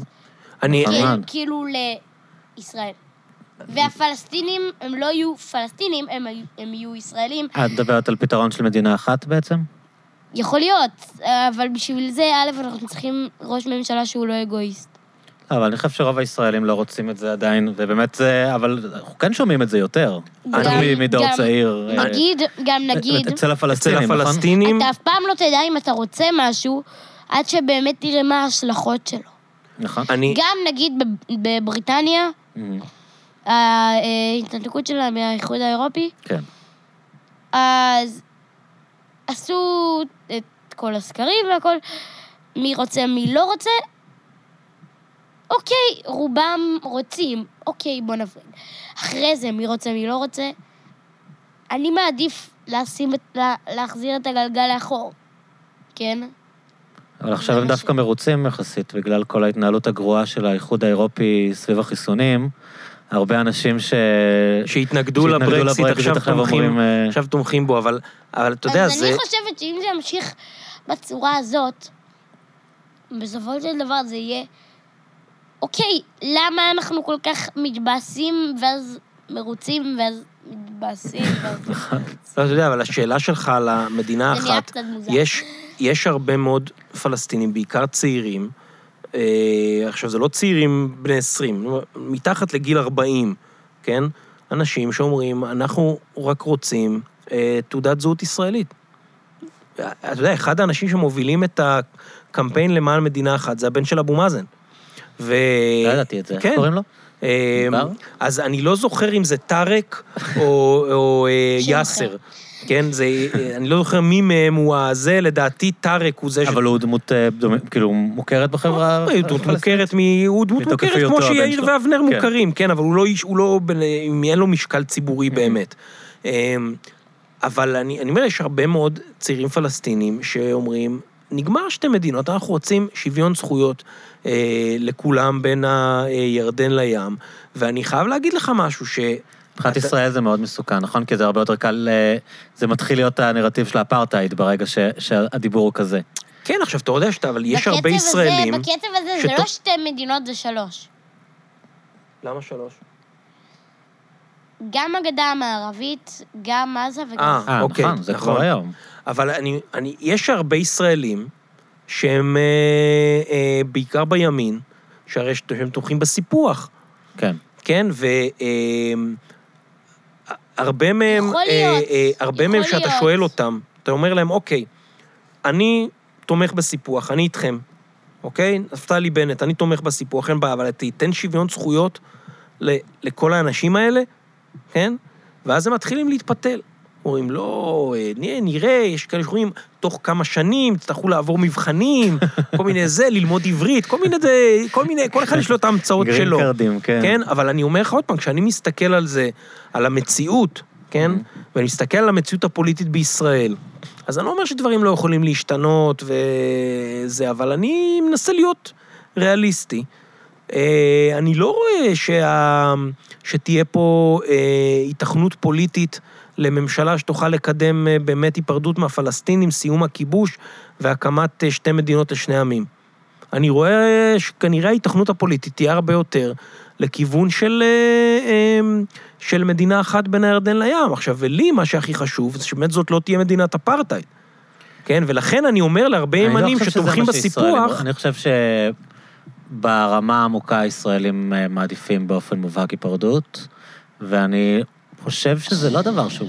למה זה אני יכול להיות בלתי אפשרי אני לעשות? חושבת- לא, אני אומר, כי אתה לא יכול להפוך את זה... אני אתה לא, חושבת... אתה לא יכול, שנייה יובל, אתה לא יכול להפוך את זה, בסוף זה צריך לקבל ביטוי בבחירות, אוקיי? שמספיק אנשים יצביעו למועמד שאומר, אני, כמו שאהוד ברק לא, אמר, אני אני יוצא קונסטלציה מלבנון, של ממשלה ימנית עם לחץ אמריקאי. אני. לא חושב שזה יקרה. אני אומר עוד פעם, אני לא רואה את זה, אני באמת, אני פשוט לא רואה את זה. אני לא מצליח אפילו לד, לדמיין מצב כזה. ממש, פשוט לא. בגלל זה, ג'ארד אפשר להגיד קושנר... את מה כן, שאני שנייה. רוצה כן, להגיד? ממש ממש, עוד אוקיי. שנייה. ג'ארד קושנר, אחד הדברים ששמעתי אותו אומר הרבה פעמים, זה שהוא אומר, תקשיבו, הוא אומר את זה דווקא לשמאלנים פה. הוא אומר, תקשיבו, אז כאילו אתם צוחקים על התוכנית שלנו, אבל התוכנית שלנו זה הדבר באמת היחיד שבאמת ימנע מכם להפוך למדינת אפרטהייד ולמדינה אחת, כן? כי אם לא תהיה התוכנית שלנו, אז פשוט הימין בישראל ימשיך לעשות את מה שהוא עושה, כן? ולהשתלט על עוד קרקע, לבנות עוד התנחלויות, ול, וזה, ו, וזה, אני חושב שכמה שתוכנית טראמפ היו בה בעיות מפה עד הודעה חדשה, כן?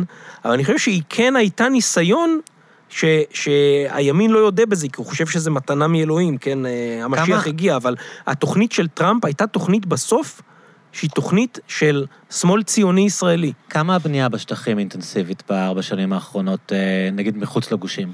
מעבר להרחבות בגושים, זה... היא אינטנסיבית. כן? כי זה יש מין הרגשה כל הזמן שזה כזה קצת מוקפא, זה, זה סתם... אה, גם אפרופו דברים שלא מדווחים בתקשורת. לא, ברור, כי הסיקור של זה הוא מאוד מאוד אה, מצומצם. אפשר להגיד משהו? אה, שנייה, ממש שנייה. אה, מה שקורה אבל זה את כל הבנייה שאתה, ש, שהיא לא, שאפילו לא בנייה, זה דברים שהם כאילו, הדברים, אה, לדוגמה, יש שיטה חדשה של המתנחלים להרחבת התנחלויות מחוץ לגושים בעומק השטח, הקמת חוות חקלאיות. אתה יודע כמה חוות חקלאיות הוק- הוקמו פתאום, כמו פטריות שמה אחרי זה הגשם? קרוון ושטח מסביבו? זה אה, בית קוראים אחד? לזה, מגדירים את זה כחווה. אבל ואז... זה יישוב לכל דבר? אז אתה יודע, מגדילים, ומגדילים, ואז זה הופך כבר למאחז, ואז זה כבר הופך זה, ואז אומרים, אה, זה התיישבות צעירה, מתחילים לקרוא כן. לזה, ואז אומרים, אה, צריך להעביר החלטת ממשלה שמכשירה את זה. לך תספר למישהו שלפני חמש שנים, כשזה התחיל, זה התחיל כחווה. כן, ו- וזה, זה השיטה. אז הבנייה נמשכת באינטנסיביות? אני לא- חושב שהיא הרבה יותר נמשכת בעומק השטח, מחוץ לגושים. זו האירוניה. מהמם. שהיום, הרי הגורמים האידיאולוגיים באמת, שלובי ההתנחלויות, מה שבאמת מעניין אותו זה לא מעלה בטח. אדומים ואפרת ו- ואריאל. מה שמעניין אותו זה אש קודש ואיתמר ויצהר והחווה של סקאלי, ידעת שיש כזה מקום? לא. וחוות מעון, וזה המקומות שמעניינים אותם, כן? אה, ו- ועמונה, עמיחי מה שנקרא, זה המקומות שמעניינים אותם, שבע- שבעומק אמ. השטח. ולכן, ואלה דברים שבאמת כמעט ולא מדווחים. כן, יובל, מה רצית להגיד? אה, קודם כל, אה, לכל מי ששומע את הפודקאסט הזה, אה, אני רוצה להגיד שהזהות המסתורית שלי קוראים לי יובל, אבל יותר מזה אני לא אגיד. אנחנו יכולים לנחש את השם משפחה? אם בכל מותר לנו? מקרה, כן. אז אני רציתי להגיד שאולי הפלסטינים ימצאו דרך לעסקה עם ישראל, שאני יודעת מה, אני לוקחת את הרעיון הראשון שעולה לי בראש, כן. הישראלים עושים סיפוח, אבל הם נותנים לפלסטינים שוויון זכויות. נגיד, זה הדבר הראש- הראשון שעלה לי בראש, כן? יכול להיות במידה אחרת משהו אחר תמורת שוויון זכויות. זכו- כן. שוויון זכויות שהם יוכלו גם להצביע לכנסת, את מתכוונת? ממש? כן. שיהיו- שיהיו אזרחים? אז באמת הרבה ואולי פלסטינים... אפילו יותר מזה. אולי אפילו יהיו את מפלגת ה... משהו משהו שתהיה פלסטינית. אז זה באמת, אה, כמו שדיברנו, הרבה הרבה ואני פלסטינים בספק- צעירים רוצים את זה, בספק אבל... אם תרחיש כזה יקרה, מה את חושבת על זה? אני אבל בס- את היית- שנייה, את- רגע. רגע, את היית רוצה, את היית רוצה, ל- ל- לדוגמה, להצביע בכנסת, ושיהיה לך בפתקים גם פת"ח וחמאס? עכשיו. דבר ראשון, לא בטוחה שחמאס ופת"ח יהיו אה, רלוונטיים אם נגיע לתרחיש כזה, זה א'. ב', אני חושב... משהו.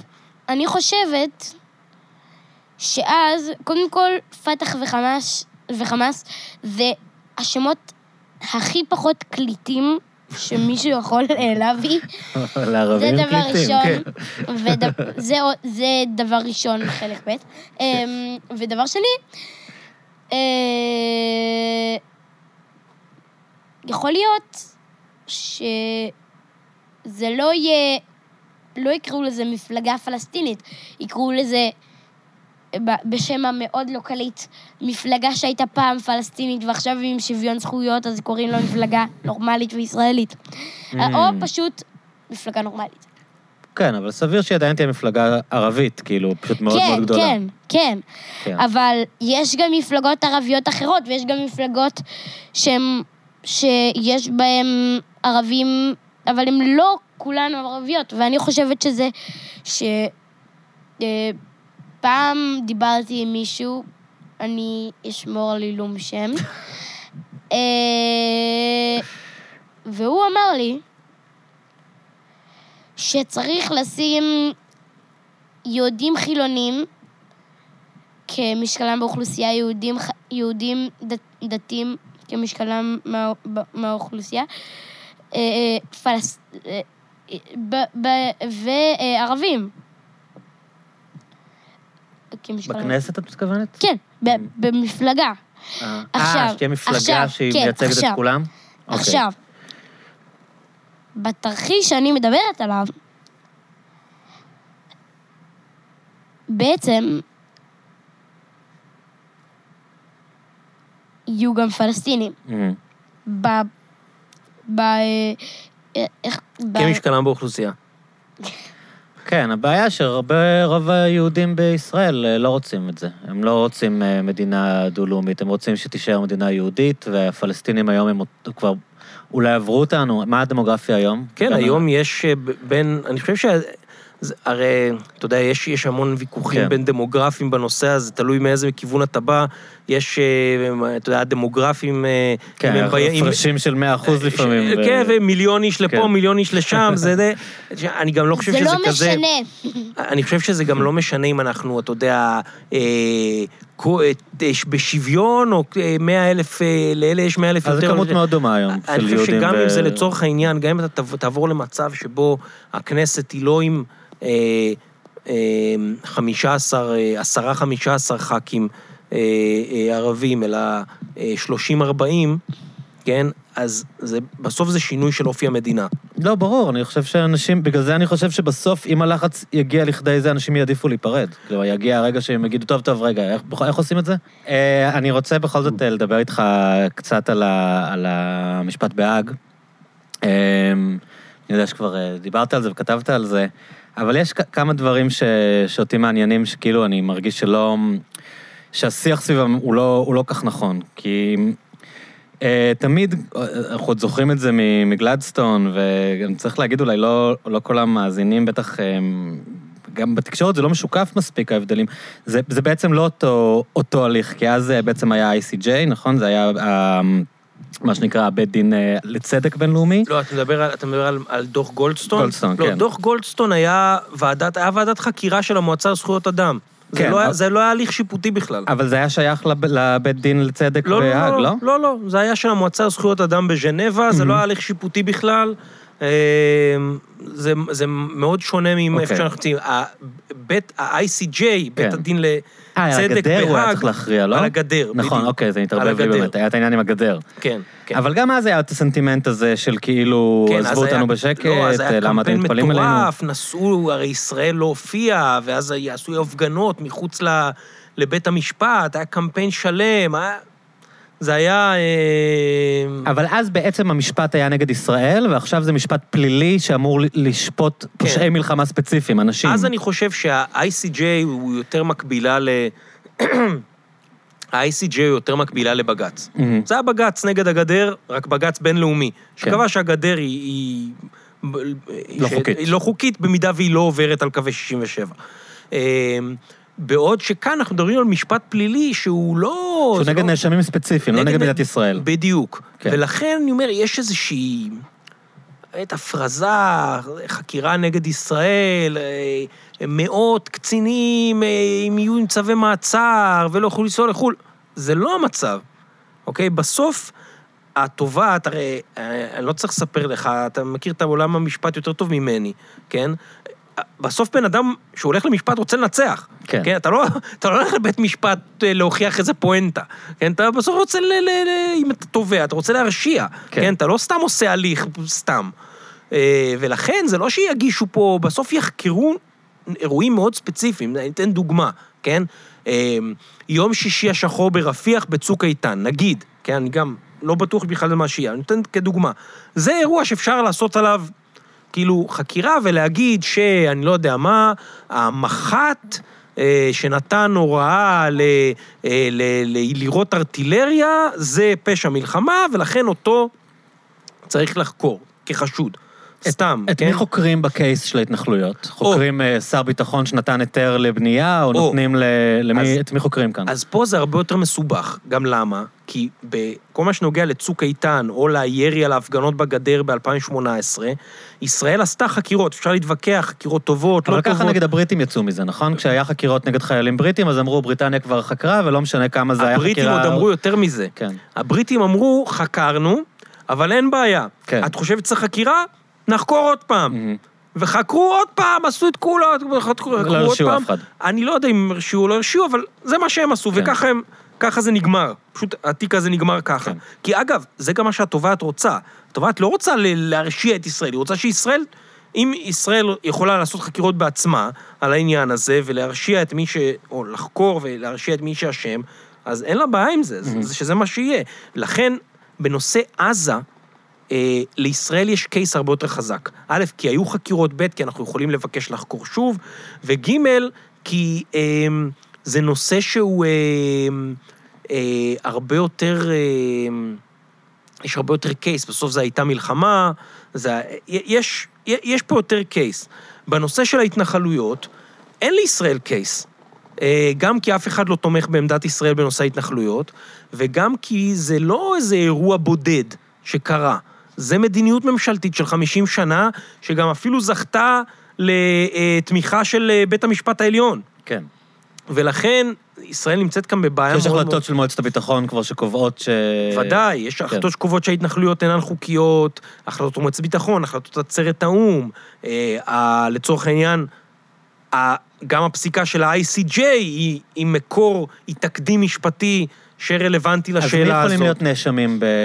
בחקירה כזאת? כלומר, תביעה כזאת מול מי תוגש בסוף? מי יהיו האנשים שאלה, ש... זו שאלה מצוינת, אני לא יודע, אני חשבתי על זה בעצמי ואני לא יודע לענות על זה, כי מין לכאורה... זמביש כזה, או, ש... אז- או ברק שאישר אה, בנייה אז זהו, לכאורה, שר ביטחון וראש ממשלה הם האנשים שמאשרים את זה בסוף, כן? הם מתווים את המדיניות, כן? אבל לצורך העניין, אתה יודע, זה גם יכול להיות אה, אה, מתאם פעולות בשטחים, או ראש המינהל האזרחי, או הבן אדם שעומד בראש הוועדה שמאשר את המכרזים, או יועץ שר הביטחון להתיישבות, או אנשים כאלה, כן? עכשיו, אה, או שזה יכול להיות אה, מישהו שהקים, אה, אה, אתה יודע, מאחז על קרקע פלסטינית פרטית.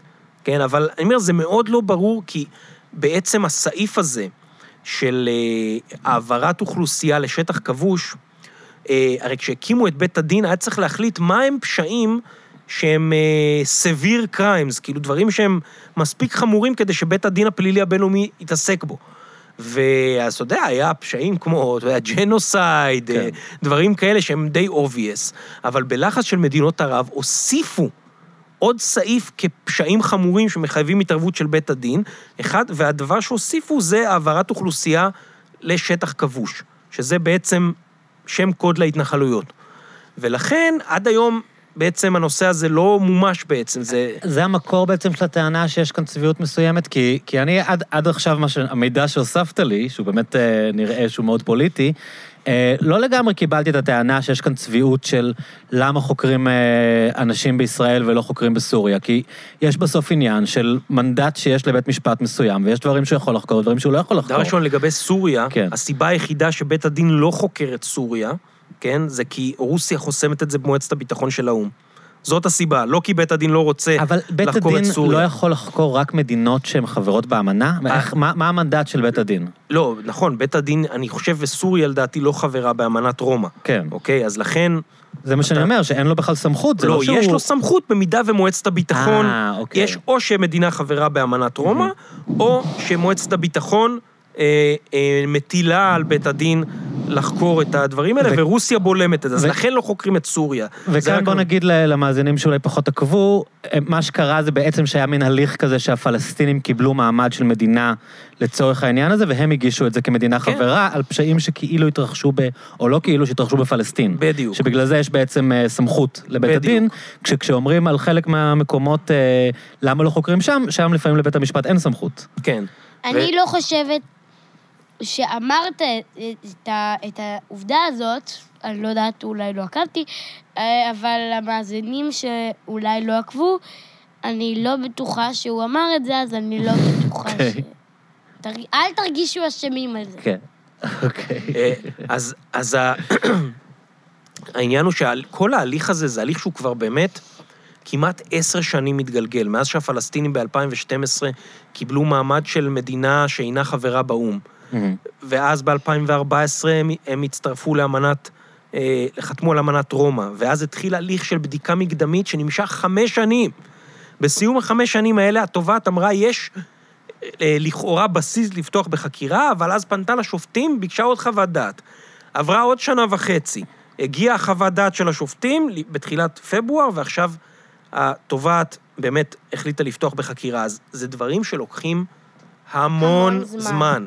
ולכן זה לא שהכל מחר מתחילים חקירה, עוצרים אנשים, זה לא, הדברים לא מתנהלים ככה. כן, אבל ממה שלמדנו זה שהם לוקחים זמן ובסוף הם מגיעים. נכון. כלומר, גם הם אומרים, "אז עוד ארבע שנים יהיה צו מעצר נגד מישהו, זה...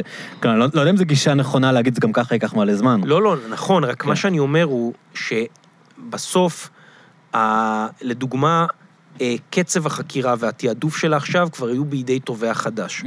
כן? ואני חושב שבית הדין הזה, הרי בסוף הוא לא באיזה מגדל שן. כן? הוא גם מסתכל על המציאות.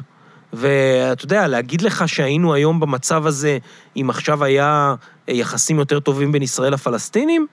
אני לא בטוח. כלומר, יש כאן איזשהו עניין שבגלל שכל השנים האלה ישראל הייתה ביחסים גרועים עם הפלסטינים, היה, היה אפשרות לעצור את התהליך הזה. אני חושב עם, שאפשר היה אם לעצור. היה נגיד משא ומתן, אז הפלסטינים... חושב, כן, ודאי, אני חושב שאפשר היה לעצור את זה. והם יכולים למשוך את התביעה, או שברגע שהיא הוגשה זה... זה כבר די יצא לדרך, זה כמו, אתה יודע, שנתניהו אמר, התיקים מתפוררים, כן. כן, הם לא מתפוררים בבית משפט, כן. ובית משפט יכריע אם הם מתפוררים או לא, אבל זה יהיה רק בסוף. אותו דבר, הגלגלים כבר בתנועה.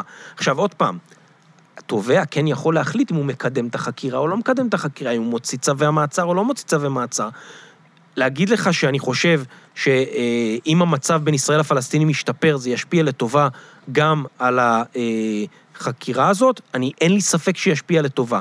להגיד לך שאם ישראל עכשיו תלך, ולדוגמה, תבנה אלפי יחידות דיור כל חודש בהתנחלויות, זה ישפיע לרעה על החקירה? כן, זה ישפיע לרעה על הצווי החקירה. מעצר ניתנים לפני שיש פסק דין? כלומר, לפני שיש אה, הרשעה, אז כבר אה, אתה נעצר ומבוקש ל- למשפט? כן, זה צווי חקירה, או, סליחה, צווי מעצר, או צווי הבאה, מה שנקרא, כי רוב האנשים עוצרים אותך כדי שתעמוד למשפט מול לא, ה-ACC? כדי, שתבוא, כדי שבכלל תחקר. כן, זה מה שאני הרי מתכוון. אנשים אה, לא... כלומר, זה לא שהם מורשעים ואז נעצרים, הם אמורים ל- להיעצר בתהליך. כן, כאילו, כן. כשמוצא צו מעצר. כן. זה כאילו שלא מישהו אה, חשוד או מהמם. מה, מה, ש- איזה תיאור שאתם תרצו, אמ, והוא אומר, אוקיי, בוא אה, נלך לבית המשפט אה, אה, אה, ונעשה משהו שיסגיר אותנו, אלא הם, הם לא ילכו לשם מרצונם.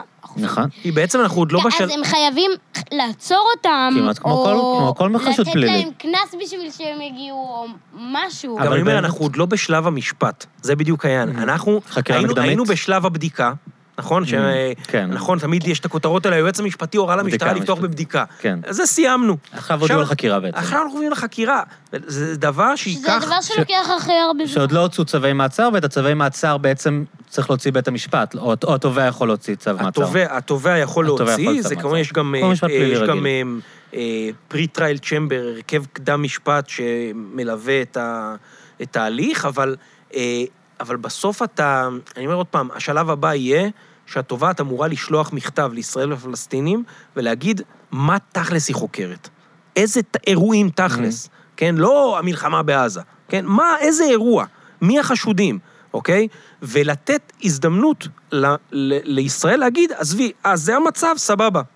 אנחנו נטפל. נחקור את זה. אוקיי? עכשיו, מן הסתם, בנושא של עזה, אני כן יכול לראות מצב שבו יגידו, כן, אנחנו נחקור את זה, אוקיי? אני כן יכול לראות, זה בסבירות נמוכה, אבל אני כן יכול לראות את ממשלת ישראל מקבלת החלטה הזו, כזאת, כי זה פשוט עוצר את כל התהליכים.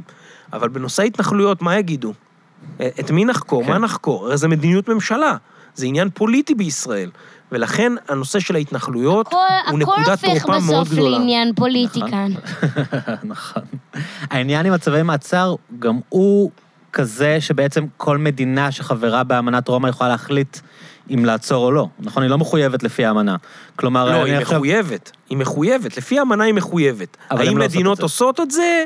לא בדיוק. אז אם אני עכשיו אה, אלוף משנה בצה"ל, שיש צו מעצר מולי, אני יודע כשאני עולה למטוס לניו יורק, אם יעצרו אותי או לא, גם אם יש צו מעצר, סביר שהאמריקאים לא יעצרו אותי, כי האמריקאים... לא, האמריקאים לא חברים בבית הדין, אה. אבל נגיד אתה נוסע לגרמניה. אוקיי. כי עכשיו, אני, הנקודה היא שאתה לא יודע נגד מי צווי, יש צווי מעצר. צווי המעצר הם לא גלויים. אה, הם לא גלויים. כדי שהם לא יוכלו... ודאי, אתה לא יודע. Mm. כן, עוד פעם, אם אתה אה, אה, עומר חסן אל-בשיר, אז או אתה עשית רצח עם, אז... והפקידה בשדה תעופה בפרנקפורט רואה שצריך לעצור אותך לצורך העניין? האינטרפול אומר להם שצריך לעצור אותך, או כן. שזה לא יהיה? כן. ואז, משרד המשפטים הגרמני מחליט מה לעשות איתך? כן, עכשיו, אני אומר עוד פעם, כשזה מקרים שהם באמת high profile, כן, אז... אתה מבין שאתה בסיכון. אתה מבין שאתה בסיכון וזה, אבל הבעיה היא עוד פעם, היא, היא, היא, על כל המקרים שהם יותר אפורים, אוקיי? ואני מניח שמה שיקרה זה שלדוגמה, אם יגידו, אנחנו חוקרים את התקרית הזאת והזאת, אז כל חייל או קצין שהיה מעורב באותה תקרית, ידע שהוא, ב... שהוא בסיכון, ואם הוא יוצא מהארץ, הוא צריך להודיע למשרד המשפטים. כן, אני מניח שזה מה שיעשו. אבל, אה, אבל שוב אני אומר, אני חושב שיש סיכוי לא מבוטל שבכל מה שקשור לעזה, התיק או מאוד יצטמצם, או אפילו ייסגר. תגיד, זה... אמ, אמ, מה המחשבות שלך על זה שבישראל, כאילו, בשום שלב לא מתקיים הדיון הענייני אה, לגבי הפעולות של, אה, של חיילי צה"ל במבצעים האלה? כלומר, הדיון עכשיו הוא, כמובן כל הפוליטיקאים מצופים להתיישר, אם במקרה ניצן הורוביץ אמר משהו לא מספיק חד משמעי, אז הוא כבר בוגד. אמ, ויש מין מחשבה שזה באמת רק עניין כזה של איך אנחנו עומדים מול העולם, ואם צריך לחקור, אז נחקור ונערבב אותם, אבל אף אחד לא אומר, אה, אין, אין שום קול בישראל, בציבוריות הישראלית, בוא נגיד, שאומרת, אה, אולי באמת היו דברים לא בסדר. אני יכול להגיד לך, חברים שלי שירתו, גו- גויסו למילואים. חזרו מזועזעים מהחזית שם, אני לא, אני לא יודע מה עולה לכדי אה, פשעי מלחמה. כן, מה אני לא, קרה אני לא להם אומר... שהם מזועזעים? אני, אני לא, אני לא רוצה, אם הם רוצים, הם יספרו מה הם עברו, אבל ב, בשיחות אישיות כאלה, כשאנשים חזרו מה, מהשירות מילואים במלחמה, הם אמרו... אה, חזרו, זה היה שירות מילואים במלחמה? כן, והם אמרו, הם היו ממש מזועזעים אני מאיך אגיד לך מה אני חושב, שהצבא אני חושב על כל העניין. הזה. אה, תראה, אה, בסוף יש פה סכסוך של אה, 100 שנה, אוקיי? במהלך הסכסוך הזה בין ישראל לפלסטינים, שני הצדדים, ואפשר עד מחר להגיד שאנחנו הצבא הכי מוסרי בעולם וכולי, וזה זה בסדר, זה הכל, זה טוב כסיסמאות לפוליטיקאים, אבל בסוף שני הצדדים ביצעו במאה השנים האחרונות פשעים נוראים זה נגד זה, אוקיי? אין פה אה, מישהו שהוא אה, צדיק, אוקיי? ממש לא, אוקיי? והשאלה בעיניי היא פשוט אם הפתרון לפשעים האלה ששני הצדדים ביצעו אחד נגד השני, זה בית הדין בהאג, כן. כן? אני פשוט לא בטוח שזה הפתרון, אוקיי? אני חושב שהפתרון בסוף פתרון פוליטי, כן? אבל אה, שני הצדדים ביצעו פשעים נוראיים. מה, אה, יש למישהו ספק שפיגועי התאבדות אה, וירי טילים על, אה, על שדרות זה פשע מלחמה? אין ספק. יש למישהו ספק שאתה מפציץ שכונת מגורים אה, ב-F-16, כן? כי אפילו אם אתה עושה את זה, כן, לתוך החלון של המחבל, ונכון, הוא מתחבא בין אזרחים, ונכון, כל הטיעונים האלה נכונים. אבל מי, כאילו, למישהו זה, זה, זה, זה נשמע הגיוני? למישהו נשמע הגיוני שאנחנו אה, מפציצים אזור כמו עזה בפגזי 155 מילימטר? זה... אז, אז נכון, זה מלחמה, ו, אה, ויורים עלינו, ו, אז אני לא אומר שאי אפשר למצוא צידוקים לדברים האלה, אבל זה, אבל זה עוד לא הופך אותם ל, ל, ל, ללא פשעים. כן, זה, זה, זה בדיוק העניין, אני חושב שזה מה ש... זה מה ש... אה, אה, כאילו, זה מה שהם... אה, אני חושב במחשבה הישראלית, כן, אגב, גם במחשבה הפלסטינית, מהצד השני, כן, כל צד אה, אה, מוכן להגיע לרמות אה, קיצוניות מאוד של הפעלת כוח נגד הצד השני, כן, אה, במסגרת הסכסוך הזה, וזה מה שכל כך נורא, כי זה רק הולך ומסלים. זה, זה דבר... זה דבר נורא, כן, אתה יודע, באינתיפאדת הבודדים, שילדים בני 13, כן, הלכו ודקרו, אה, אה, ילדים פלסטינים בני 13, הלכו ודקרו ילדים יהודים ברחוב, כן, זה לכאורה, זה לא מחבל מתאבד, כן, אבל, אבל זה, זה מראה כמה, לאיזה מקומות אפלים הגענו, אוקיי? כשהרצח של מוחמד אבו ח'דיר, כן? זה, זה, זה מראה לאיזה מקומות אפלים הגענו. לא כל דבר חייב להיות אה, אה, אה, רצח עם, כן. כן? כן? כאילו, אתה יודע, זה... ו, ו, ולכן אני אומר, זה... יש, שני הצדדים ביצעו פשעים נוראיים, אחד נגד השני במסגרת הסכסוך הזה, כן? אני, אני, עוד פעם, אני פשוט לא חושב שבית משפט זה המקום אני לא חוש- שייתן אני לא לזה, חושבת- או שה-ICC זה מקום אני לא שייתן חושבת לזה שאנחנו פתרון. רק בסכסוך. אני לא חושבת שאנחנו רק בסכסוך. זה יותר מלחמה קרה. אבל היא לא קרה, היא חמה. יש, יש אנשים ממש מתים במלחמה הזאת. כן, אבל אני מתכוונת מלחמה שהיא לא איזה משהו של צבא גדול נגד צבא גדול, או צבא קטן נגד- צבא קטן. זה כמו הסיפור חנוכה של המכבים, רק הפוך. מה את מתכוונת? שאנחנו משחקים את תפקיד אנטיוכוס, רק שאני לא יודעת איך זה ייגמר, כי זה עדיין לא קרה, אולי גם יעשו מזה חג. את אומרת שאנחנו הצד החזק והם הצד החלש. אה, יכול, יכול להיות, כן, יכול להיות שזה מה שאני אומרת, אבל אה, מה שאני אומרת,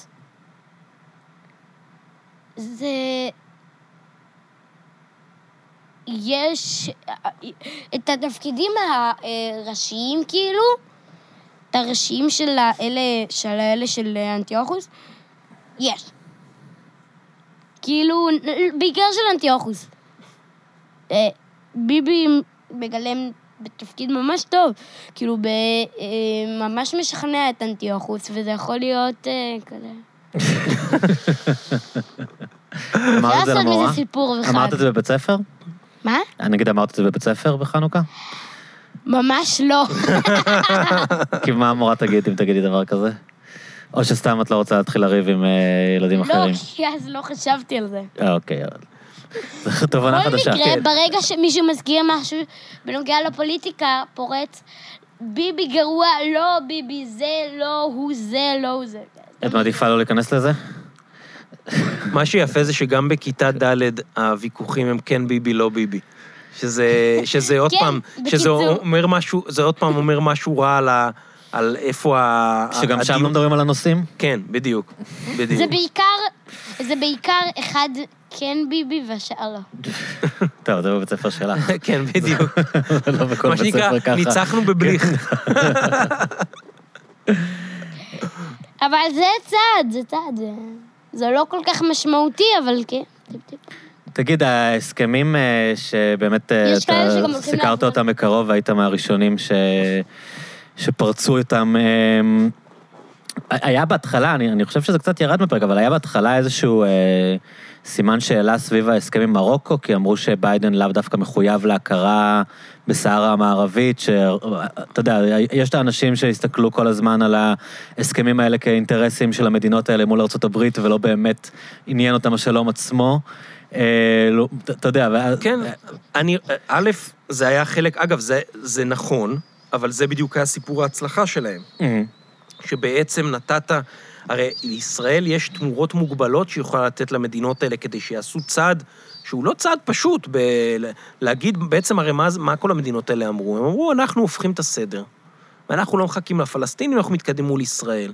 והעובדה שהאמריקאים היו מוכנים לשים תמורות על השולחן, כן, אני לא חושב שזה דבר מגונה, אני חושב שמבחינה... לא, גם צריך להיות הוגנים עם אה, נתניהו, זה- זה גם מה שהיה בהסכם עם ירדן, אה, במסגרת ההסכם, ארה"ב מכלה להם ירדן, מצ- עצומים. עם מצרים. כן, כן, תמיד נכון. האמריקאים נותנים תמורה למי נכון, שחותם. נכון, לא- נכון. ואני, תראה, אני לא חושב שביידן בשלב הזה אה, יגלגל אחורה את ההכרה בסהרה המערבית. אה, אני באמת, זה, זה לא, זה, עוד פעם, זה מסוג הדברים שהוא כל כך לא גם בסדר עדיפויות, שבאמת אה, נוח זה לכולם. זה מעשה עשוי. לא, אתה יודע, בינתיים לא נוגעים, אה, נראה מה יהיה. כן, זה לא, אין, אין, אין אף אחד, אין, אין דחיפות באמת ב- בעניין מאיפה אמור. להגיע הלחץ על העניין הזה? האלג'ירים, כאילו, הם... אה, כן, אלג'יריה, ואני אומר עוד פעם, אין לזה לובי יותר מדי חזק, כן. צריך להגיד. אין, אוקיי. אין, אה, אין לזה איזה... כן, לא, אין הפגנות מול הבית הלבן. המחתרת הפוליסריו. לא אה, שולחת אה, שליחים לבית הלבן לבקש להפוך את ההחלטה. ואין כן? להם מהלכים בסנאט. כן, בדיוק. אז אני אומר, יש, אני לא אומר, יש, יש כמה סנטורים שזה כן נושא, במיוחד בחור בשם ג'ים אינהוף, סנטור רפובליקני, שהוא מאוד מחובר לנושא הזה, והצליח אפילו להחתים 25 סנטורים על מכתב לביידן בנושא הזה. מה, שהוא הוא נגד ההכרה? הוא נגד ההכרה וביקש לגלגל את זה אחורה. אגב, יש כל מיני דברים מאוד מוזרים, הבן אדם היה באלג'יריה בערך 30 פעם בשנים האחרונות. זה, זה, לא, זה לא דבר... כן. יש הרבה סימני שאלה. לא משנה. מעניין. אני אומר, אבל אתה רואה, אין... אף אחד לא באמת, אה, אתה יודע, בתוך מדרג הנושאים בתחום המזרח התיכון שהממשל מתעסק בו, זה לא בין 50 הנושאים הראשונים. אז בואו נדבר על הנושא הראשון, שזה הסכם הגרעין באמת, אה, לנסות להבין אה, איפה אנחנו עומדים כרגע. אני חושב שאנחנו נמצאים במקום שהאמריקאים מגלים שזה קצת יותר מסובך ממה שהם חשבו. פשוט לחזור להסכם?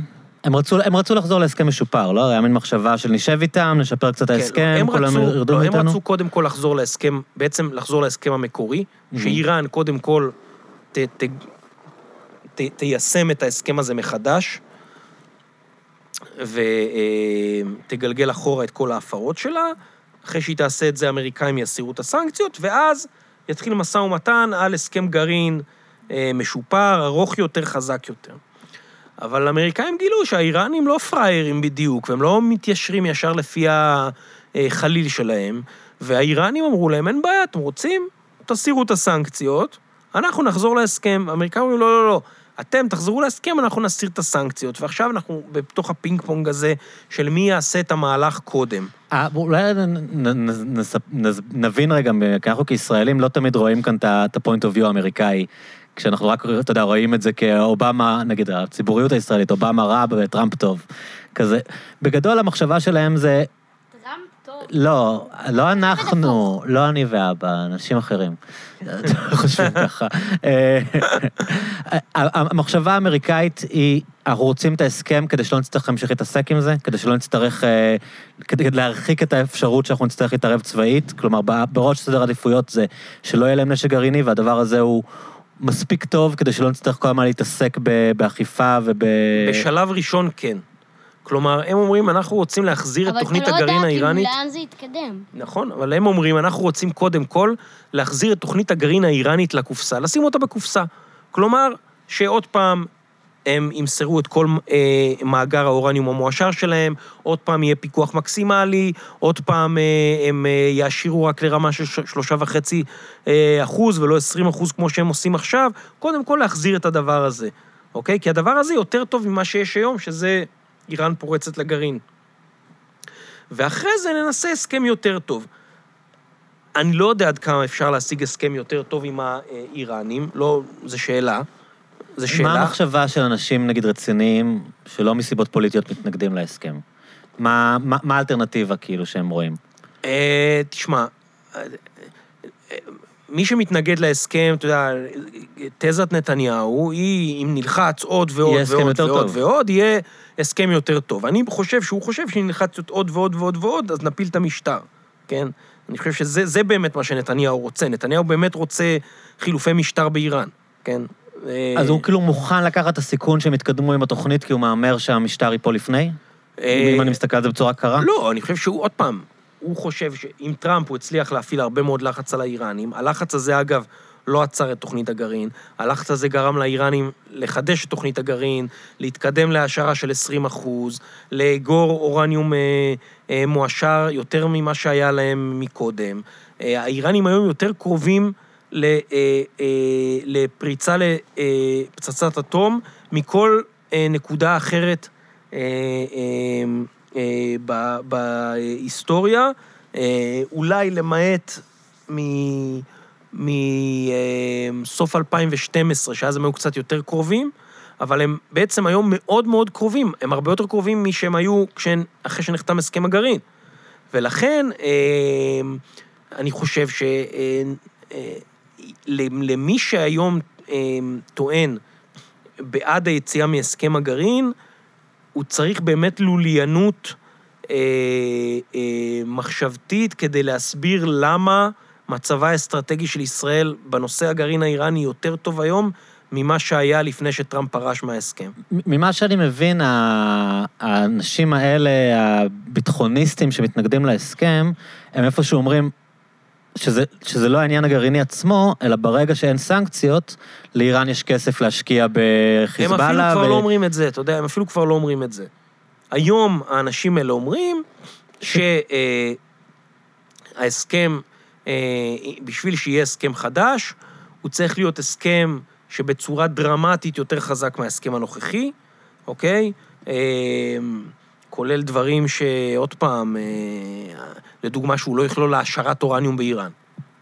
כן? שלא תהיה יותר העשרת אורניום באיראן, אוקיי? אני אומר, אני לא רואה מצב שבו איראן תסכים אי פעם לוותר על העשרת אורניום. זה, זה לא יקרה. פשוט לא יקרה, אין, אין סיכוי, אוקיי? ולכן אה, מי שאומר את זה אומר בעצם, אני לא רוצה הסכם, כן? מה, מה השתנה ב... בהנהגה הביטחונית הישראלית? כאילו, אנחנו זוכרים שבהסכם הראשון רוב הגנרלים אה, תמכו בהסכם. אני אה, חושב שגם עכשיו. אז מה זה היה ההתבטאות הזאת של כוכבי, שהוא... אה, אני לא- אפילו לא זוכר מה הוא בדיוק אמר. אבל... לא, אתה יודע, הוא אמר שזה הסכם רע, ושהוא גם אמר הרבה דברים לא מדויקים לגבי מה הפרטים הטכניים של איפה איראן נמצאת היום. אה, הוא אמר שצריך להתכונן לתקיפה. עוד פעם, אני חייב להגיד שזה היה דברים שבעיניי... הם לא אה, התפרשו טוב באמריקה, לא? הם לא התפרשו טוב באמריקה, אני חושב שגם בישראל אצל הרבה אנשים לא התפרשו טוב. ואני חושב שעוד פעם, תסתכל על מה שאמר סגן ראש המוסד אה, אה, לנדב אייל בידיעות אחרונות בסוף השבוע האחרון. מהמם. שהמבצעים שהמוסד עשה נגד הגרעין האיראני היו מדהימים, וארכיון הגרעין, ועוד מבצעים אחרים. ג'יימס בונד הכי טוב שיש בעולם.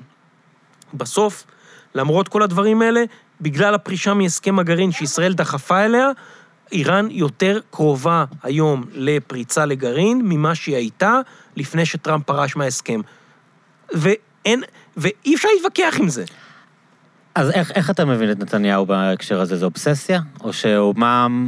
כאילו, לא, למה, יודע, למה הוא לא רואה באמת- את מה שאתה אומר? לא, כאילו? אני חושב שהוא באמת מאמין בזה. אני, עוד פעם, אני חושב שאמרתי לך, אני חושב שהוא רוצה, אני- בניתוח שלי, נתניהו רוצה רג'ים צ'יינג' באיראן. זה מה שהוא באמת רוצה. אבל יש כאן סיכון שהם... זאת אומרת, זה מין הליכה על הסף כזאת. אתה, אתה אומר, אני רוצה... אני, אני לוקח מין סיכון מחושב של הם יפלו לפני שהם יגיעו לפצצה.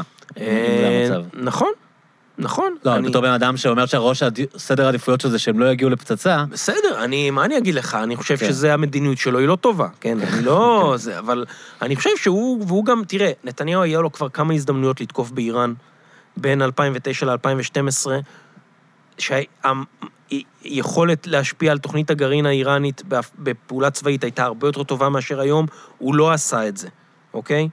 אז היום גם היכולות של צה"ל יש בהן שיפור, אני לא אומר, אבל היום תקיפה אה, באיראן, אה, תקיפה אה, אה, צבאית באיראן היא דבר שלא בטוח עד כמה הוא ישפיע ויעצור את תוכנית הגרעין שלהם.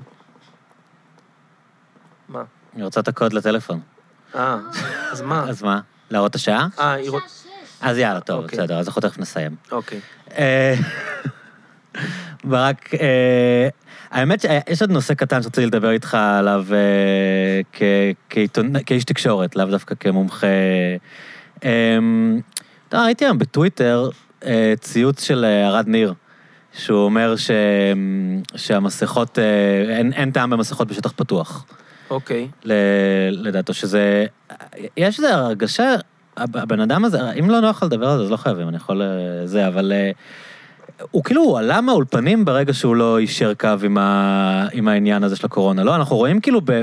גם לא ראיתי אנשים מדברים על לא, זה. אני לא חושב שערד ניר הוא עלה מהאולפנים, הוא... ב- הוא- כשאתה רואה 11 ו-13, אז האורחים של החדשות חוץ הם מאוד דומיננטיים בשיח על הקורונה. לא, גם, גם ארד, אני, הוא, הוא מופיע והוא אה, זה.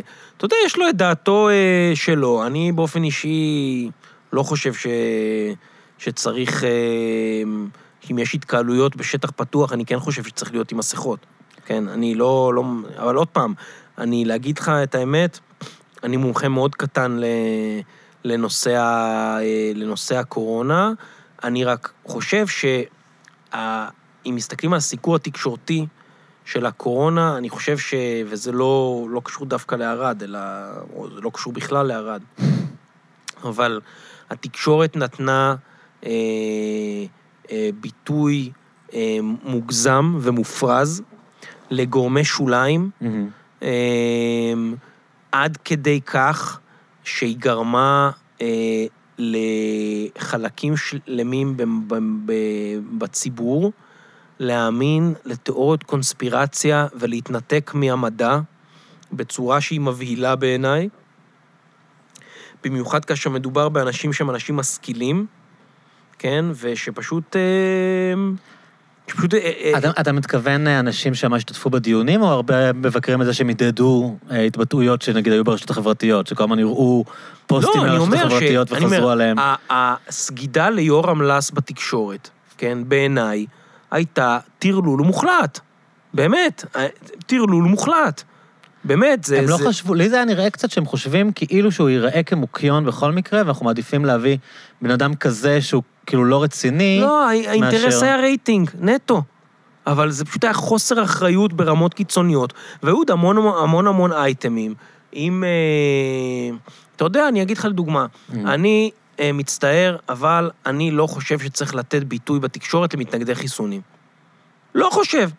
באמת, אני לא חושב. לא כל דבר יש אה, בעד ונגד. לא, באמת, אני לא מאמין בזה. אתה יודע, כמו שאני גם לא חושב שצריך להיות איזה אה, רצח ראש הממשלה רבין בעד ונגד. אשכרה יש דברים כאלה בתקשורת, כן?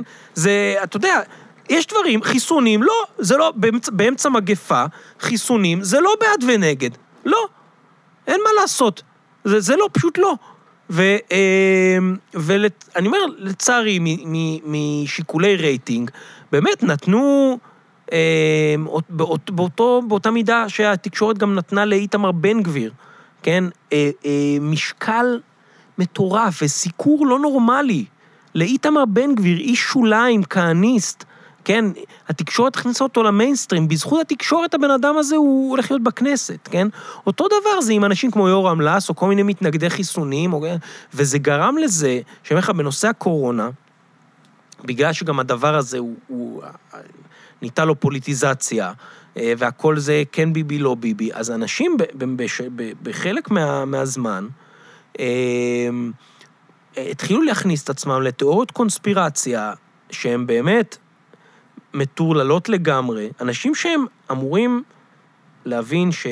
אה, כאילו, או לפחות להכיר בחשיבות המדע ודברים כאלה, התחילו להאמין לכל מיני תיאוריות קונספירציה של... אה, אבל אתה לא, אתה לא, אני, אני חושב שאתה לא, אבל אני שואל בכל זאת, אתה לא מרגיש שהיה קצת אה, קו אורתודוקסי כזה, שכאילו, יש שיח מאוד ברור, מובחן, ואת מי שהוא לא בשיח הזה, אז מביאים את האגפים הרדיקליים, במקום לנהל אה, דיונים ענייניים על דברים ספציפיים. אני אתן לך דוגמה קטנה, כאילו, לי יש ידידה, וזה מצחיק, כי כולם צוחקים על ההודעות האלה בוואטסאפ, של אה, אבא של אה, חברה שלי מהגן רופא, והוא אמר לי.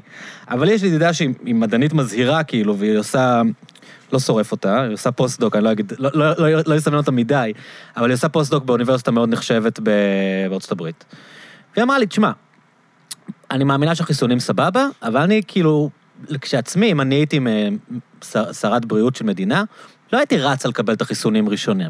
יש דברים שלוקח זמן לבדוק, שיודעים עוד מידע אחרי שמחוסנות אוכלוסיות גבוהות, יכול להיות שיש אנשים עם בעיות אוטואימיוניות, שזה דברים שלא נבדקו ולא יכולים להיבדק בקבוצות מדגם כאלה קטנות, ואני חושבת שדווקא זה הגיוני מבחינת התנהלות בריאות מדינתית, לא לרוץ להיות ראשונים שמתחסנים. תן למדינה אחרת כמה חודשים האלה ואז תתחסן, אבל, אבל זה, זה פחות משנה מה היא אמרה, יותר העניין שאמרה לי, אבל בחיים אני לא אגיד את זה. היא אמרה לי, בחיים אני, אני לא אתבטא ככה, כי אני עדיין בשלב מוקדם בקריירה שלי, ואני יודעת כאילו את הסכנות ב, ב, בלהתבטא. אז גם, גם הדבר הזה כאילו איפשהו קיים, אני חושב. אני ובגלל שאתה לא, אני רק אסיים, בגלל, בגלל שאתה לא מנהל דיונים כאלה, אז בסוף אתה נשאר עם כל מיני יורם לסים, פנסיונרים, תימהונים, שאומרים לך שחיסונים זה, אתה יודע... זה עושה אוטיזם, לא יודע, אני לא חושב שהוא אומר את זה, אבל אחרים אומרים. לא, הוא לא אמר כזה. לא, ברור שלא. אבל אני אומר, אתה צודק, כן, אתה צודק. אני רק פשוט... אני פשוט אומר שה... ה, אה, אני חושב שבחלק מהמקרים דווקא כן היו אה, אה, אה, ד, דעות שונות, לדוגמה בנוגע לסגרים והאפקטיביות שלהם, נכון. עוצר לילה והאפקטיביות שלו, בנוגע למערכת החינוך, כן, כן היו, אה, אה, כן היו, אני חושב, דיונים יותר ענייניים גם, ב, גם בתקשורת וגם בדיונים שהם בתוך הממשלה, כן? אבל אני חושב שבסוף, זה כן הדברים בחלק גדול מהסיקור הלכו למקומות קיצוניים. אגב, גם לפעמים הלכו למקומות קיצוניים, למקומות קיצוניים בזה ש... אתה יודע, בנוגע לסגל, לסגרים וזה, בחלק, חלקים גדולים מהתקשורת לפעמים, זה היה כבר, כאילו, אני הרגשתי שהיה כבר איזה מין תמיכה אוטומטית. בכל, בכל החלטות הממשלה. כן. כן, שזה היה בעיניי גם דבר כבר קיצוני, כן? כן. אבל... אבל זה, זה, זה שוב, זה בסוף משקף את ה... הסיקור בסוף, אני חושב, במידה מסוימת גם שיקף את, ה, את, את כל הכאוס הזה שנקרא טיפול בקורונה. יובל, את מרשה לי עוד שאלה אחת? אחרונה? אה, אני רוצה, כי התחלת לדבר על זה, ואולי קצת אה, להרחיב באמת על העניין הזה של לא יכול להיות היום שיחה עם מישהו בטלוויזיה שהיא לא ויכוח. אתה יודע, כאילו, יש מין פורמט כזה של... אמרת, נתת כבר את הדוגמה האולטימטיבית של רצח רבין בעד ונגד, אבל באמת, כאילו, העניין הזה של... חייב שיהיה אקשן. לא יכול להיות שעכשיו יושבים עם בן אדם ו... ונותנים לו לדבר, זה כאילו מין... לא, זה לא העניין הזה, זה העניין של ה... זה גם לא... אפשר לעשות ויכוח באולפן, mm-hmm. כן? על נושאי מהות, כן?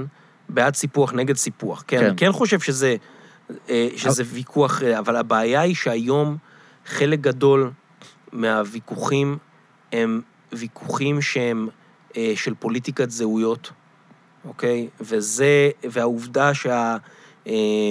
בעיקר הטלוויזיה המסחרית,